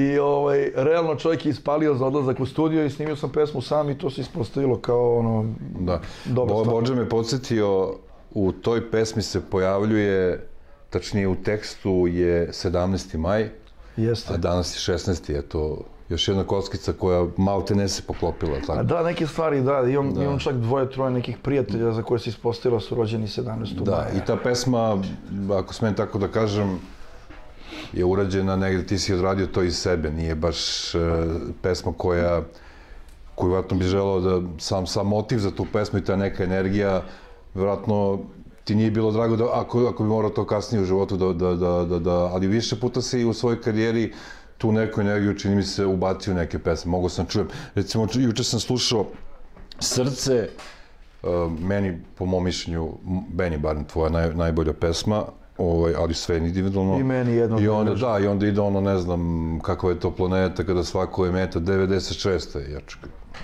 koja bre? A meni to kao, znaš, kao sveže mi zvuči. Da, da, da, Koja bre, da, da. 96. to Da, je 23 da, godine. 23 onako. godine, da. Ali, za pravu raj, to ljudi treba da znaju, ti si došao sa Coletom, Ovaj, mi smo pustili tu pesmu, nismo mogli da preslušamo, nismo ni moguće da se kao ubaciš u USB ili kao čuješ na telefonu ili kao, Čuješ nego da ti si da. donao na kaseti, kao što većina bendova je to donosila. I mi pustimo. I ne znam da li smo, da li smo radili Ja ne neki znam da li je bila intervju, kaseta ili je možda bila ona magnetofonska Koja? traka. Ko zna na čemu je to bilo. Ne možda, možda čak i sećam disk, ali Da, da, da, ne bih da, rekao, da, 23 da, godine, da, da, to je neka 92. Ali tako. narezan disk. Za pravu raj, što ljudi treba da znaju, 93. ti si Treća, mislim. tad nije u supermarketima nije postalo ono za rezanje kao Da, da, rezači da, disko. da, da. I em, najiskrenije, ovaj, to stari obožavaoci repa znaju, bukvalno su nas ljudi zvali kao ko je ovo, šta je ovo, jebote, kao rap, pustite ponovo. I mislim da smo mi možda tri ili četiri puta u, u, u toj emisiji pustili pravu raj i stvarno to vreme, to vreme je bilo ono kad su ljudi bili zaraženi a, malo ovaj, tim novim zapadnim zvukom, MC8-om, Captain Swell Swan i onim čuvenim Da, klaviri, zujalice, da. pištalice, da, da, da. Da, ovaj, i onda je ta pesma, ne znam, odjednom, evo, ti ćeš Da, bolje da što je tamo krenulo treći Prošlo kanal, apsolutno ludilo. neočekivano dobro. Da. Neočekivano. Iskreno, ja nisam, prvo nisam znao koliko Jeftin ljudi uopšte ima. kao što su svi bili jeftini. spot koji, pa mislim da, u ono vreme, realno, sećam se kao da juče bilo da me spot iskoštao 70 maraka. S tim što je se- 70 maraka u ono vreme bilo ono, bilo ozbiljno para. Da, da. Ovaj, ali 60 realno to sam platio snimatelja e, tipa sa studija B, koji je do, onog studija B, koji je došao i snimio, ovaj, snimio mi, ja sam imao nacrtano gde se snima, šta se, šta se snima. Znaš, kad sam imao, imao sam u svesci nacrtane kadrove, sve. Znaš, imao sam toliko vremena posle snimanja pesme, imao sam toliko vremena da osmislim A sve. dobro, onda te se brže Onda sam izmontira. s- snimio sve to, brate, snimio sam sve to, onda nisam mogao da izmontiram spot. Mhm. Pa mi je onda Mići Jovanović, koji je bio tada vlasnik televizije Palma, na kojoj se vrtelo, znaš već šta se No, vrtelo. Da, da, znam, da. Ovaj, ne, ne, nije, nije to Mići Jovanović. Mići Jovanović je neko sitan, mršav. Aha, nije, nije, okej, Da, bili su, ovaj, čovjek mi je dao njihovu montažu da smontiram spot i dao mi je montažera. Otišao sam tamo, ista priča, kao doneo sam svesku, imao sam, jer sam taj materijal već gledao milion puta. To je, znaš, kad imaš kad si klinac pa imaš motiv, imaš, Mm. znaš, ono, želju da ono kao iskidaš. Ovaj, Sad- sad si na forumu, isto sam- nemojte pred pa sedam da nego, dolazim. Nije nego, neke, Ne, znaš, dobro, neke stvari, neke, stvari, neke stvari se zasjetiš, neke stvari iskapiraš da, da, da nisu onakve kakve si, kakve si mislio da, da, da jesu ili da će biti, razumeš? I onda onako malo izgubiš i neki motiv i želju A da, uostalom, da, ovaj, da se nešto previše... ne mrzite, oko kako te prekidam, ne mrzite da odeš na koncert, da ovo, da ono, razumeš, da sediš u prvom redu, a ovo ono, a sad verovatno Pa, i ti da, kao ja bi verovatno verovatno seo, poželao, molim vas, mogu da dođem, ali ako može da mi Kao odvojite da jednu stolicu. je zvuk i sve Da, i da to. mogu da sedim onako, ovaj, I onda jedan moj drugar, ovaj, e, Peđa mi je to rekao, God, Godfather, Peđa, jedan veliki za njega, mislim da živi trenutno u Pragu, nadam se da nas gleda. Ovaj, šta? Bratislavi. A znao sam da je u Evropi. ne znam. da, je. E da, sad se sećam, Google Search se ti zove, to ti je bilo umetničko... Kako? Gaga Google Search je bilo. Google Search, da. to je umetničko ime za novi album. ovaj, e, kaže, kao, znaš šta mi priča Ortak? Ja, ja kažem šta? Kaže, Kaže, Gruje je ovaj, e, dobio, znači, dao sebi ime kao, kao skraćenica od Grubijan. I sad ja jebote kao, ako je tako... ovo još nisam čuo ne, ne, ne, informacije. veruj mi. Da, da, da, da. Znači, ali nije, ni Peđa znao. Znači, Peđa bio na foru čuje od nekoga, znaš. Da, da. Rekao je, znaš, mislim, nije neka fora, ali bilo bi loše sad kao, sad kao, niko od nas nije, kao današnji, naravno, ni jedan deo samo ovo, ono, bifovi, gluposti, ovo, ono, idem ulicom, pucam i bla, bla. I onda ja kao i bolje da ne pitam čovjeka kako je bio gost u geto ono ranije, jer otko znam, nemam proverenu informaciju, nekako saznam. Međutim, posle, da li mi je Cole rekao, ili ko- kogod ovo, onda su mi rekli da u stvari neki strip, junak, nije- animirani e, junak. ali nije ni to, brate. Nije ni Nije to. to. Ma ni to nije. U stvari, cela priča je potpuno ono... e, italijanski film na RTS-u 2 u neko nebulozno vreme koji niko nije gledao, a super je film, ne što, pećinski ljudi i sve to. I sad jedan od likova se zvao Gr. A, niko Gr. nije, da, Gr. I kome god sam prepričavao film, ja sam istripao da je Gru i kome god sam prepričavao film kao Gru. O, je- jako, je- jako interesantan film bio. Meni u ono vreme bio super film. A i Međutim- ime je dobro, kratko, Međutim, lako se gr, pamti. jel? Da, da, gr i onda na kraju se pojavio neko ko je gledao film i bilo je kao, e, nije gr, nego gru i onda neka neka zajebancija na, na, na tu temu, razumeš, i tu je ostalo to gru i u nekom trenutku kad, je, kad sam uradio pravu raj i kad je bila varijanta, ok, kako se predstavi ljudima, a, gru mi je bilo ono, sjajno, zato što, to sam rekao već milion puta, nije na engleskom, nije na srpskom, kratko je, lako se pamti, a onda se ispostavi da ima gru strip, onda Da, se da, u da. nekom trenutku posle 100 godina pojavi crtani film sa glavnim junakom koji je gru, pa ne znam, ruska tajna obaveštajna služba gru, pa ne šta sve ima gru, na Pa italijanskom... skraćeno od gru. Na italijanskom je gru, ne znam, kran ili ždral, tako nešto. Pa onda krenem na zimovanje u Francusku i naletim na tržni centar koji se zove gru, razumeš? Pa dobro, to je već kad si bio malo Znaš, popularniji, Da, aerodrom, aerodrom pesme. u Brazilu, to su mi sad skoro poslali sliku, aerodrom u Brazilu se zove gru.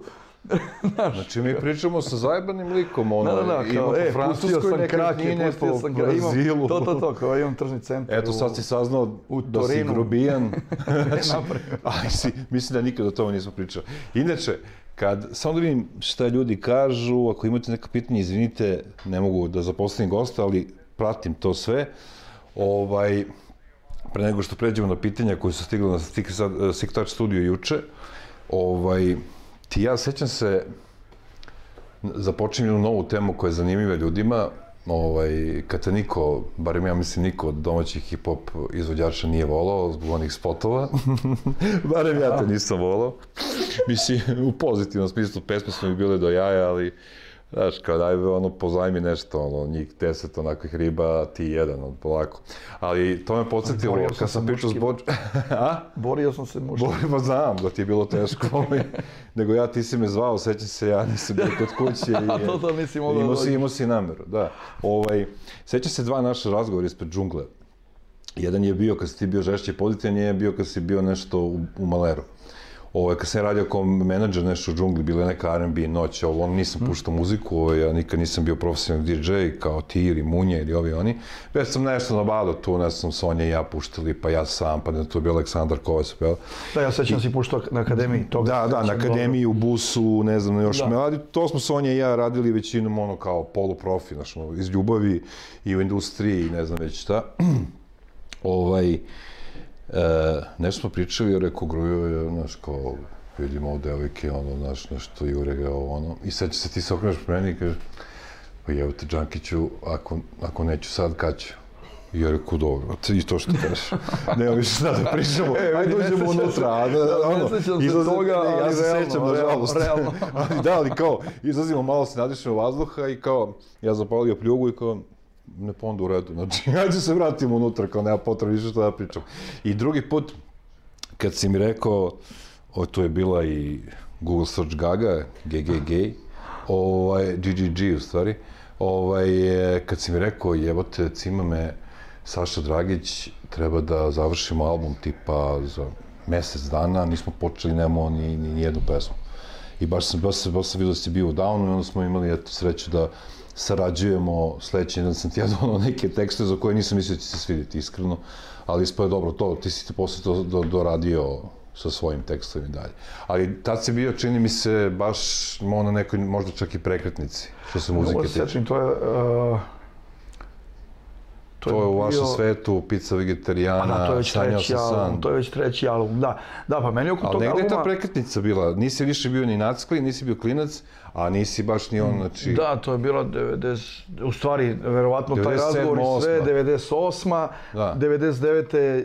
u januaru izašao album, pa pred bombardovanje, pred Da. samo bombardovanje. Ovaj, znam da na tom albumu uh, onako krenuli smo da radimo, ja sam imao brdo nekih stvari koje sam pripremio, brdo stvari, uh, od, od, od, gomile stvari koje sam pripremio, neke stvari koje nisu radile onako kako sam očekivao u studiju. Onda sam imao pomoć od uh, Jovana, profesor Kiks Maler, on je imao super ideje za neke tekstove. U stvari, on mi je dao neke tekstove koji su, koji realno nisu za repovanje. Znaš. Da.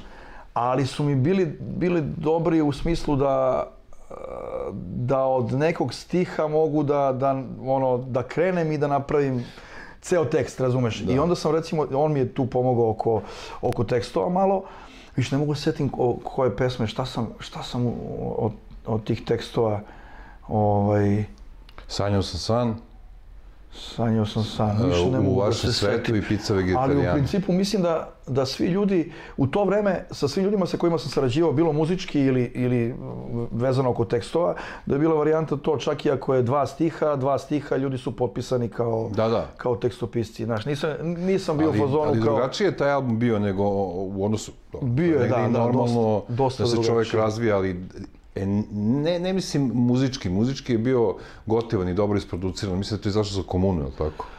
Ne. Taj album ne, taj album je izašao za centru scenu. za centru scenu. Ali e, e, nekako je e, a, bio zreliji, ali imao je neku notu da se videlo da da se ti, barem ja sam to neko nešto razmislio, da se ti ne da ili raskrstio s nekim svojim stvarima ili prelaziš u neku drugu fazu, u pozitivnom smislu.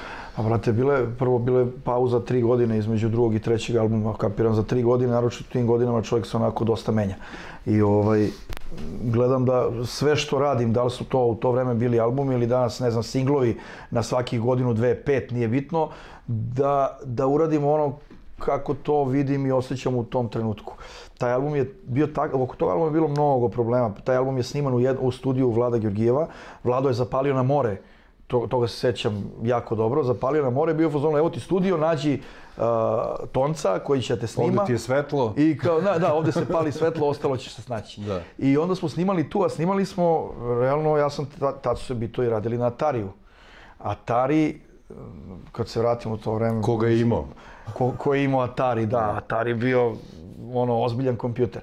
Ali kad pogledaš Atari je imao ozbiljan problem sa, sa tempom, znaš, da ne drži tempo ravan, nego je to ljuljalo malo, znaš, ako imaš pesmu koja je, ne znam, 100 BPM ili 95, on, znaš, to 95 zakači u nekom trenutku.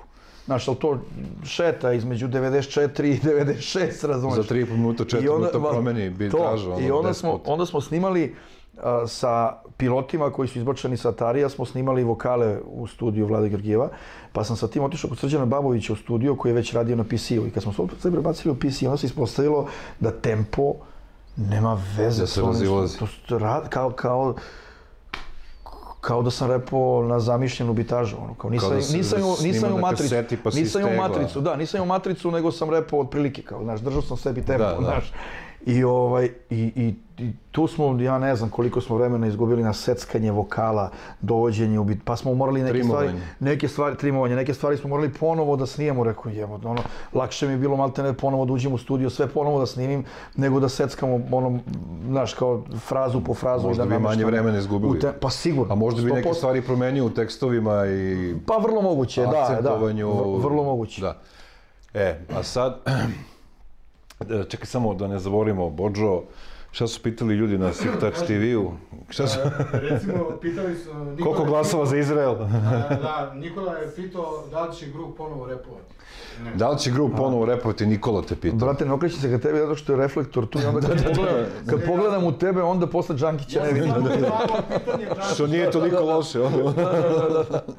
Ту е гага, одиш ти до кола. Кога погледам у тебе, после погледам Джанки ќе, Джанки ќе се пролепша, брате. Не, не, не, не, не, Gasi. Ovaj, Čekaj, koje pitanje je bilo, šta? Da A, ćeš da ću da Pa ćeš- ne, verovatno, Ne, ne, ne, da verovatno hoću. da s- pojavio si se sa THC, jel tako? Da, Plejina pesma Plan B, THC Da, ja, da. i to je super ispalo. Mislim, Meni- meni, meni je recimo, dobra ta malo mi je produkcijski malo tanka, ovaj, malo tu fali, ali, ali pesma kao pesma, meni ta pesma super. I tekst, i energija, i sve, to je onako baš lepo ispalo. Ovaj, a, snimit ću sigurno, ljudi me pitaju kao novi album, novi album. Ja pesmu ne mogu završiti po tri godine, a ne album. Tako da pesma će biti sigurno, radim nešto. Tu ima brdo nekih tekstova koje sam pisao ranijih godina, pa su oni prošli taj test vremena. Znaš, kao ima gomila tekstova koji, koje posle dva meseca ili posle šest meseci ili godinu dana pročitam i onda sam kao, šta je ovo? Međutim, ima brdo nekih tekstova koji su mi i dan danas jako, jako dobri. Kao promenim naravno neke delove ili ne znam šta, ali su u principu ta neka, ta neka osnova je dobra. I, ovaj, i u fazonu sam da snimim to. Sad snimam neku pesmicu koje, ovaj, koju eto, radim posljednjih recimo jedno dve godine. A, Pa dobro, mislim, pa si ne, stigao do prvog ne, refrena. ne? Problem problem je što, problem je što ovaj, iskreno nemam vremena da sedem da se posvetim tome, a ne mogu baš bilo šta. Znaš, kad sam bio klinac, to počeci, šta god da snimiš, ti to izbaciš. I danas gledam neke klince koji rade tako. Sve što snime oni izbace. Pa da, Čak i ako je nije da, dobro, ma nema veze, snimio dobro, sam, to je želja, ono kao samo da, Da, da a krene. sad stvarno ne mogu, ako nisam ono, ono baš zadovoljan do kraja, ne, ne mogu to da pustim. A ovaj, nemam, nemam puno vremena, pošto sam ušao u DJing i puno radim, i putujem non stop, nemam vremena da se posvetim tome kao da uđem u studio ili kući prvo, ne znam, imam bita, bit neki bit koji sam, koji sam uradio koji mi je dobar, ali još treba se radi na njemu. Uh, snimio sam prvu strofu, prva strofa mi je super, drugu sam snimio, nisam zadovoljan kako to zvuči. Refren još uvijek nisam uradio, imam refren u glavi, ali kapiram da, da ću to Ма до краја години морам да завршам. Па, Док не оди во Европску унија, прилики. Прилики, тоа, да, да, тоа, тоа. Али овој, не, искрено немам више, а, немам немам ту желју да, да се нешто сад да појављувам негде да правим. А чека, та желја, немаш желју за да, за доказивање или немам ти е циме, не, немам желју за доказивање, немам желју да да се takmičim sa ovim što se danas dešava, jer ne vidim sebe u celoj toj priči. Dobro. I, I realno sve to što snimam sad, posljednjih par godina, snimam onako za svoju dušu. Znači Mhm. samo u, u smislu za svoju dušu da kao snimam, okačim na YouTube i to je to. Nema promocija, nema uh, gostovanja po emisija. Od, odradim par emisija koje su mi ok. 90-ih, recimo 90-ih sam imao problem sa gostovanjima što se tiče hip-hop publike. Imao sam pro- problema jer sam gostovao po nekim emisijama gde mi realno nije mesto. Da, da. Ali, kad pogledaš realno, a, ja u to vreme Nisi imao baš nisam, žel- nisam bio u fazonu hoću da snimim pesmu i kao meni je pesma super i, i ne interesuje me Da, niko da. drugi. Bio sam u fazonu ja hoću da ljudi čuju ono što snimam. Е сад, неком ќе се свиди, неком ќе неком ќе бити безвезе, неком ќе бити одвратно, неком ќе бити супер, ел тако. Али сам желео да тоа што радим представи луѓима, не оно као сад мои пет другара ме тапше по рамено и као у брате дојаде ти ово. Да, и у крају те знају и, слушате кога се видите и, и кева као у френском салону каже колегиницама као а да, да. мој син. е ние криминалас, бар се бави музиком и да, то, добро ми е дете. Tako da A, mi je bila, to, bila mi je želja da predstavim to ljudima, pojavljivao sam se po nekim emisijama gde mi realno nije bilo mesto, ali je to bio jedini način da ljudima predstaviš to što si uradio. Jer da sam gledao gde mi je mesto, kao pojavio bi se kod tebe u getu i ja ne znam da li je bilo, bilo još dve radio emisije, na televiziji vjerojatno nije bilo ništa. Bio je Sonjen Talas i bio To je bio, Ju kako beše radio? Ju radio. Ju radio, da. Da, i bilo, a tad je već prestalo, B92 je prestao sa svojim rap emisijama, tad Slonči i Mjehor više nisu imali, Da. imali su svoje DJ satove, ali nisu imali klasičnu rap listu, tako da teško i na B92 da si mogu da gosti. Da, realno nije, nije, nije bilo, nije bilo gde da se, da se, i recimo to je, to su bile zamerke kao tadašnje republike, znaš, kao, kao Prodo se gostuje, ne znam, u ne, ne, neko nedeljno popodne, ne znam gde, kao ljudi, to, znaš, kao, ja, ja stvarno imam želju da mi muzika bude ono kao osnovna stvar u životu, nemam želju da mi muzika bude hobi, razumeš? I ovaj, A sad ne bi došao da te zovu u Šarenicu, recimo. zvali su me više. Zvali su. A, da. I to ono originalno. A, Pa ja više ne znam Ne ko je remix, ne pratim. ne Ne, ovaj iskreno, remix. evo moram da, moram ti priznam, ja stvarno posljednje, posljednjih jedno 4-5 godina na televiziji gledam crtane filmove sa klincima ili zbog klinaca, sport i to je to. Pa Nema to. ništa više, jer realno uh, filmovi, serije, šta To god da je, prvo ne skine. mogu da gledam, da, ne mogu gledam na televiziji jer kao ide serija, ne znam, četvrtkom uveče ili ne znam šta, da ja kao pamtim kad je pa sedem da gledam, ne, sačekam da se završi pa onda skinem sve sa neta i pogledam ko čovjek. Ovaj, tako da iskreno televiziju uopšte ne gledam, desilo mi se da odem u neku emisiju opet neko nedeljno popodne na nekoj televiziji i da kao ima tu još, pored mene još 5-6 gostiju i da ja od tih 5-6 gostiju dvoje ljudi znam, ovo ne znam ko su, nemam pojma ko su ljudi. Znaš, i onda je, e, dovedeš sebe u neprijatnu situaciju, znaš, kao tu je neka devojčica koja je, koliko sam skapirao, pevačica, ali ja stvarno ne, ne znam, ne znam ko je ona. I niti onda- da je pitaš kao, ej, izvini, kao, Da. znaš, ja ne znam, ne gledam televiziju, pa kao, ko si ti, jer ispadneš džukela, jel tako? A s druge strane, opet, ako ne pitaš, brate, onda u, u emisiji te onda pitaš, šta misliš o Pa novoj na pesmi? na- na kao, kraju ispače- kao. Na kraju ispadneš nevaspitan, kao, ili, Svakako ili kao ispadneš frajer, ono kao. E, svakako ja ispadneš izvini, nadobudan Nisam čuo za tebe to. Da, kao da, da. Svakako ispadneš ovaj nadobudan i nevaspitan. E da, da, da završim samo onu priču o tome kako smo svi bili ljubomorni na Grua, znači je neposredno na Grua. ovaj, e, prvo da kažem, ti si mnogo, mnogo uradio stvari za hip-hop. Možda mislim da čak ljudi e, manje o tome pričaju, više tebi pričaju kao individualcu, nego tebi kao čoveku koji je inspirisao generacije koji su došle posle toga, kao što su, ne znam, ovi sadašnji bendovi vjerojatno ili solo izvođači inspirišu neke nove ljude. Ono. Ne, ne, ne mislim o, o o ovim, ovom turbo folku i tim stvarima, nego o hip-hopu, ono, u onom izvornom smislu reči. Uh, I to mi je žao što negde, ovaj, možda i zbog neke ljubomore, možda i zbog toga nekih drugih stvari su ljudi ono poštovali tvoje pesme, ali u principu nisu neko nešto pretrano isticali da nisi ti samo radio za sebe, već i za druge. Ja to znam, to znaju ljudi koji su Pa bili ja upućeni se, toj da, priči. da, da. Pa dobro, ja sam e, posredno ili neposredno uticao na, na dosta ljudi, u smislu neposredno možda zato što gomila klinaca je odrastala na toj muzici, na pravu raj, na pesmi srce ili ne znam šta već, da, da nabrajam, bit će tu, nije bitno, kao druga, druga strana medalje, ili tako. Ovaj, a, ali a, posredno na taj način što sam sarađivao sa mnogo mnogo ovaj, e, u to vreme klinaca koji su ono tada počinjali, pa sam pokušao koliko god mogu, kol- koliko je u mojoj moći da pomognem, da li tako što e, ću da odradim nekom gostovanje ili tako što ću nekog da, da vučem sa sobom na svoje nastupe, da ljudi opet čuju za njega, da li da možda odradim nekom neki bit, znači ono što sam, gde sam mogao da nađem vremena i gde sam mogao da nađem neki, neki smisao da pomognem, ako je to normalno bilo, ako sam mislio da je to kvalitetno. Da, i radio si i dosta, baš su te Munja i Maršala hvalili, sarađivao si s Munjom, to znam, ali radio si dosta zanimljive koncertne varijante. To su bili u Sunshine, čini mi se, u to vreme, ako pogrešim, izvinjavam se, ali najozbiljnije pripremani koncerti domaćeg repa. Znači imao si DJ-a, koji nije tu bio samo za slikanje, nego je puštao matrice, skrečao Radio, sve da, to. da, da, da. Imao si Milenka, posle Marka, ali tako, ili su oni možda čak jedno vreme bili zajedno na Bini? Milenko, prvo Mile, e, kako beše, pr, e, ne, ko je prvi krenuo, da li Marko, ja više se ne sjećam davno Šta je su bilo. ti godine, Ali sunce da, ti? jedno vreme, ne pa mnogo je prošlo, brate, baš ne, je znam, puno da. vremena prošlo.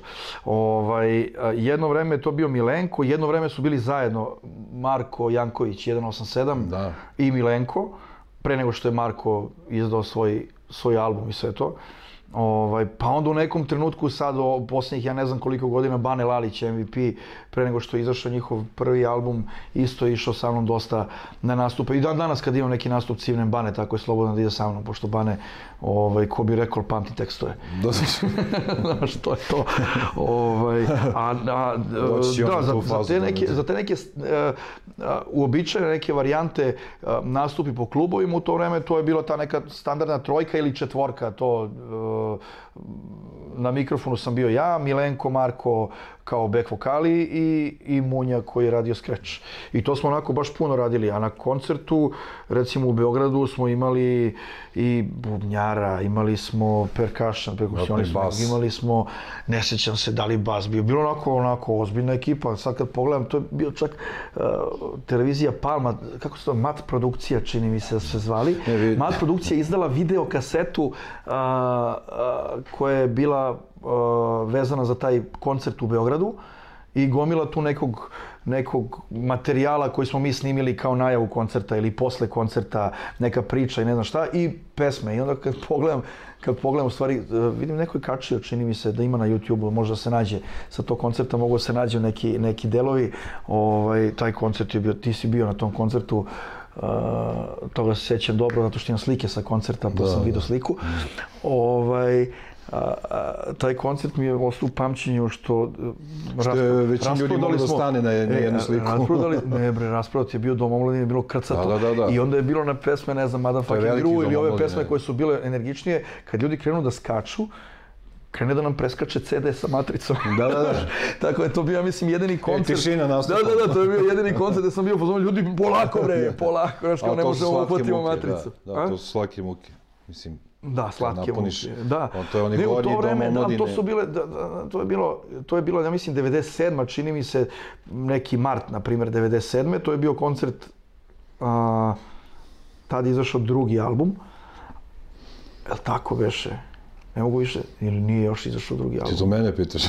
Ne mogu da se setim. Ja mislim da je 97. bio taj koncert u Domu omladine, a pre toga su bili oni, oni u to vreme čuveni koncerti u prostoru uh, gde sam ja otišao sa Boba Orlić, čini mi se. Viš, nekih stvari se sećam, ono, kao da su juče bile neke stvari potpuno, ono, ovaj, pobegnu. Aj kao malo sledeći put kad budeš dolazio ranije lezi. Ono. Da, da, da, da, spao. Ili ne spao. Boba uopšte. Orlić je tada držao, držao taj, taj klub koji se zvao Prostor, to je današnji, ja radi tu danas uopšte, jedno vreme se da zvalo postoji, diskoteka, da- diskoteka XL, pa drama, pa ne znam kako se to se zvalo, ali to je ranije bio onako underground klub, dobar, dobar. I ozbiljan klub, ono. Da, i znam da sam otišao kod njega kao da se dogovaramo da odradimo tu neki koncert i sve to. Tad su se zavrtele stvari na getu kod tebe. ovaj, I ja sam realno tada imao možda jedno 5-6 pesama. I onda čovjek pitao kao koliko ljudi očekuješ, rekao ja stvarno ne znam otkud, nemam predstavu koliko ljudi očekujem, ono, nisam, nisam, nisam imao ideju uopšte da li će da dođe ono 20 ljudi, 100 ljudi, 150 ljudi. Međutim, mi smo tu nešto u, u 20, 20 dana, 30 dana razmaka, dva koncerta napravili, prvi put je prodato bilo 600 karata, drugi put 800 karata, to je bilo 94. Nešto, radili na karte ili- Na, na karte, ovako. Ovaj, tad sam, tad, juče smo pričali o lepljenju plaka, plakat, Da, da, plakata selotejpom, selotejpom i da. to, e, to je bilo to vreme. To je bilo Ovaj, znaš, preteča kao, eventa. Čak imam kući negde taj plakat, sa, da li sa prvog ili to je ono, ono beli papir ovako, nije ni A4, ne znam koja je to dimenzija i tu piše, ne znam, koncert GRU, gosti, plan B, To ti- e, da, da, drugi ti- put je bio i Sunshine, e, Robin Hood je bio plan B Ila, da, ovaj, koji, Rita Matek, e, koji još bio, ne mogu sad napamet, nema, nema teorije. Koliko Pa da, to je bilo nevjerojatno, ili ti ili Ortak ti napravi ono na kompjuteru, podneseš... Tu odneseš štampaju, štampaju ti Da, ono 200 kao crna, crna slova, crna da, slova na belom papiru. Najjeftinija moguća varijanta, ono, kakve boje, kakvi ukrasi ta sranja. A ovaj, stižu nam pitanja, stiglo mi je za Škaba, Škaba će biti gost, naravno, zvaćemo ga, a za tebe je stiglo pitanje da li je tačno, mada ja ne volim taj izraz, da li je tačno da si prozivao Voksa i zašto i da li je to tačno tako nešto. Sad ne znam ko je to pitao, ali zapamtio sam. Da, Nikola Topalović. Di- direktno ga nisam prozivao. Tu je bilo, ma, brate, to je potpuno, to je totalno... Ja, ako da nešto davno... Ne, nebitna, nebitna priča. Bilo je davno nešto, ja sam sa Đusom imao neki problem, pošto je Đus onakav kakav jeste, ja ga volim, brate, on je takav lajav, je ga. Da. Ovaj, a, Mada stoji i- da se ima, promenio, da- ima da trenutke, da, ima trenutke ovaj, kad krene priča neke stvari koje su potpuno nebuloza. I onda je sa njim bio neki nesporazum gde je on nešto iz potpuno nepoznatog razloga krenuo nešto pljuje po meni u nekoj neka žuta štampa u to vreme, ne znam šta je bilo. Pa smo se tu nešto posvađali, sreli smo se, pa sam mu objasnio da nema razloga da mi pruža ruku, kao, brate, kak, kakva je ovo priča, sad ovde pričaš ovo, sad se sretnemo, pa kao je, brate, desi. Ovaj, i, Što je inače hobi i onda u je to, hip-hop da, svetu. da, da, pa ne, on je, pa dobro, i on je tad bio Ne mislim na klinac. Đusa isključivo, On je tad nego bio, mislim da, on da ima on ljudi koji bio klinac i sve i to. onda kao, brate, da ti... Da, toga je isto bilo mnogo. Ali ovo je bila varijanta kao, brate, kakve veze ima, prozivamo se to, naš priča, ra, ra. A, kao Do- beef, kao, Rekao, da. dobro, brate, meni to ne treba u životu. Ja ne, ne funkcionišem tako, znaš, ja to ne vidim na taj način i to je to. Međutim, to, ono, pa nismo pričali par godina, dve, tri godine nismo pričali, onda smo, onda smo se, ono, izmirili i sve to i dan danas to funkcioniše kako Da, da, treba, hvala Bogu. Đus- Đus je, ovaj- A Vox, brate, ja ne znam u nekom trenutku, ja prvo ja nisam znao ni ko je on, iskreno, nisam imao pojma. Ovaj, I znam da tad kad sam se sa Đusom, na Jahorini smo se sreli i imali onako dobar razgovor i kao, kao ok, sve je ok i to i onda je Vox, brate, ja sam tebe isto, izvini brate, ja sam tebe pljuvao, ne znam, na nekom radiju i to, ja sam vidio, brate, ko si sad ti u pičku mater. Da, da. Znaš, Znači, i u ovaj- inostranstvu je to bilo. a? U inostranstvu, da, da. O, Da, u to vreme, u to vreme je to Hvala bilo ja inostranstvo, ni da. I ovaj, ali se ne sjećam da sam ja njega nešto pljuo, nemam pojma. Znam da je on uradio neku pesmu, nešto, da je, da je snimio neku pesmu gde me nešto proziva. Mislim, iskreno meni to bilo smešno. Dobro, ja, ja ne znam, zvaćemo i njega i tu celu ekipu. Ja Đusa znam 100 godina, znam, on, on ima, mislim, nekih 14, 14 i po 15 godina i on i njegova tadašnja devojka su bili jako zaljubljeni jedno u drugo. I mi smo radili taj uh, Black Night pokret za Beograd petkom uveče noći program od ponoći do 6 ujutro i puštali smo R&B i komercijalni hip-hop, ono što nije moglo u getu. Ovaj, I onda me on uvek zove, 12.05, 12.10, za mene i za moju ženu, rekao, brate, imaš 15 godina kao žena. Ne, ne, ali videlo se da su zaljubljeni, kako je to posle završilo, ne znam, ali sam ga ja zagotivio, onako, Ne, gotiv je bio do- full, dobar, full moon i, i Shorty, obojice su bili mnogo gotivni. Da, i ce- taj njih- njihov prvi album Full Moona Da. je bio odličan, odličan. Oni su nastupali sa Munjom Freestyles uh, na engleskom u emisiji Geto na televiziji, Politika prvoj. Ovaj, kasnije se posle nešto nismo videli, ali dalje imamo ono kao uh, lepa sećanja na Đusa, nikad nisam doživio Dobar je, ništa dobar je. neprijatno njega, se sad tu i zavisi tamo, to sad ide. sad se sretnemo tu i tamo Da. i ispričamo, ovaj, razmenimo to neka iskustva i to nek- neke stvari on vidi na jedan način, ja na drugi način, pa onda kao sedemo Pa to. pričamo o tome. Ali opet i uvek se dešavaju takve ali u principu, onda bolje da, ono da. četiri oka, pa Naravno, god. naravno, uvek, uvek je bolje se tako rešava. A Đanija, jel si viđao? Đani nisam viš Đani, nađe. da kažem ljudima možda koji ne znaju. Ma doba, desio se incident u nekom, da, nekom realitiju, da. je bilo. Ali, ma, mislim, to je glupo, to baš je onako, bez veze, mislim, stvar koja, eto, nažalost, desila se. Ali glupo je što to posle toliko, što sad kažu, postalo viral, da su ljudi to posle kao stavili po novinama, po ovome, po onome, a onda naravno da. posle to i neko okačio na tubu. Ma dobro, to je i normalno da novinari, znaš, kao od, od, od sitnice naprave ono slona, ili tako? Kova, komarca magarca, što se ali, kaže. e, to, ali, ovaj, u principu neka stvar, o, Dobro, on kao koju- poludi, on se zakači sa svima, ono, ali... Ma, meni, iskreno, meni krivo što se to desilo. Ja sam s njim bio u jako dobrim odnosima i razlog zašto je došlo od toga, ja stvarno nemam pojma. Ali dobro, eto, desilo se. Ja dalje mislim da on barem, barem čovjek za promenu od tih poznatih ličnosti, ljudi koji su imali milione u džepovima, barem iskreno, onako, ništa drugo sad, koliko je dobar i nije, ja ga ne poznajem, tako da ne mogu da se... E, čovjek nije tu, pa nećemo E, e, pričati. sad da krenemo neke svetlije teme, za tebe svetlije, za mene tamnije. ovaj, pojavi se spot, e, neću da pevam, je to Marija Mihajlović beš? Biće tu? Da. E, Biće tu. ne, Leontina. Leontina. Leontina. Leontina, da. Kao si me Sad- zbunio, Sad, sad, me, sad, Jel, sad, majko, sad, sad me još e, više nervira ta pesma. Ovo za tebe uvek bude. I ja gledam, mislim, tad sam ono ipak ovaj, skapirao da da sam 100% heteroseksualac, jer ja tebe uopšte ne pamtim za tog spota.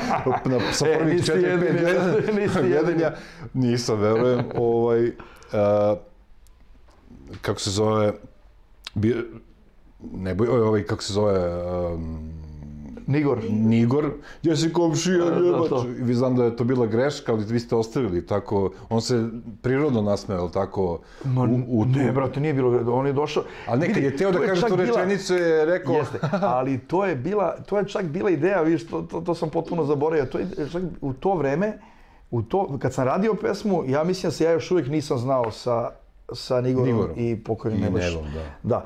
Ovaj, I bila je ideja čak da cimam ram, jer je bila ideja da se pojavi tip koji je crnogorac i da kaže gdje si komšija, opet nešto privodiš, a jebaču. I, ovaj, I bila je ideja da možda Ramba iscimam da to, da to ovaj, snimi. Međutim, u međuvremenu sam upoznao Nigora i, i pokojnog nebu. I ovaj, i Nigor je bio, ja ću to, ja ću to, super, ovo, i on došao u studio, odradio. Moja vodolija. I otprilike u isto vreme, u isto vreme, ja mislim da tu negdje u isto vreme, u malom razmaku smo izdali eh, oni svoj prvi album za komunu, kako se zvao prvi album Montenegrsa, ne, jel nije Tajna Marenda, to, to, je- to, je to je drugi. Nije ni bitno, ne mogu se setim. Paši, pa, Daj, paši, sad da će, neko sad će Gaga da da izgugla. andol, jer ne znam šta je dobro, da malo počnem se seći. Ovaj, a nije nego, pa vidi tih stvari da se Ne, ne, seti, znam, to nije su baš sitnice lako, ovo. Nije baš lako. Ali u svakom slučaju oni su izdali taj prvi njihov album za komunu, a- ja sam izdao drugi, svoj drugi za komunu. Otprilike tu u nekom kratkom vremenskom Redki su ljudi koji su bili pozitivniji u pravom smislu te reči od njih dvojice. Znači, Da, i da, ono kad da. ih vidiš ili kad ti gostuje u emisiji ili u kad tad Pa da, džungli, i dan danas u takav, četiri brate, sobe. se ništa, koje- što se ponašanja, isti ništa se ovaj, nije takav i nebo da. bio koji pritu, pritu smo on i ja rod. Ovaj, e, I Igor je... Igor Tajna je, Marenda, vidiš, dobro se Da, sećam Tajna Marenda, da. Dobro si, da si poveo ovaj. Inače, Znaš kao, ti treba možda neko ko, znaš, kao da zaposliš. Pa sada dnevnik, bio je gru 15 minuta, sada dnevnik, da. Ove, pa razmotrit ću, ono, možda treba ono, razmišljati već kad smo tih reklama i sve to, da možda odbijemo te tvoje a, kamere koje ću sam kupiti za sledeću nedelju, nego... Ne, brate, tako pošte- pričaš, bolje da, si da, ne da, svašta, pošte- da. da, da, kao, Nemoj se vratim u Beograd, onda Neki. Obe, obiću si kamere, nisi imao Obiću si namere. ka- ovaj, dobro, to, to ćemo da, to ćemo da, e da, i sad krene pesma,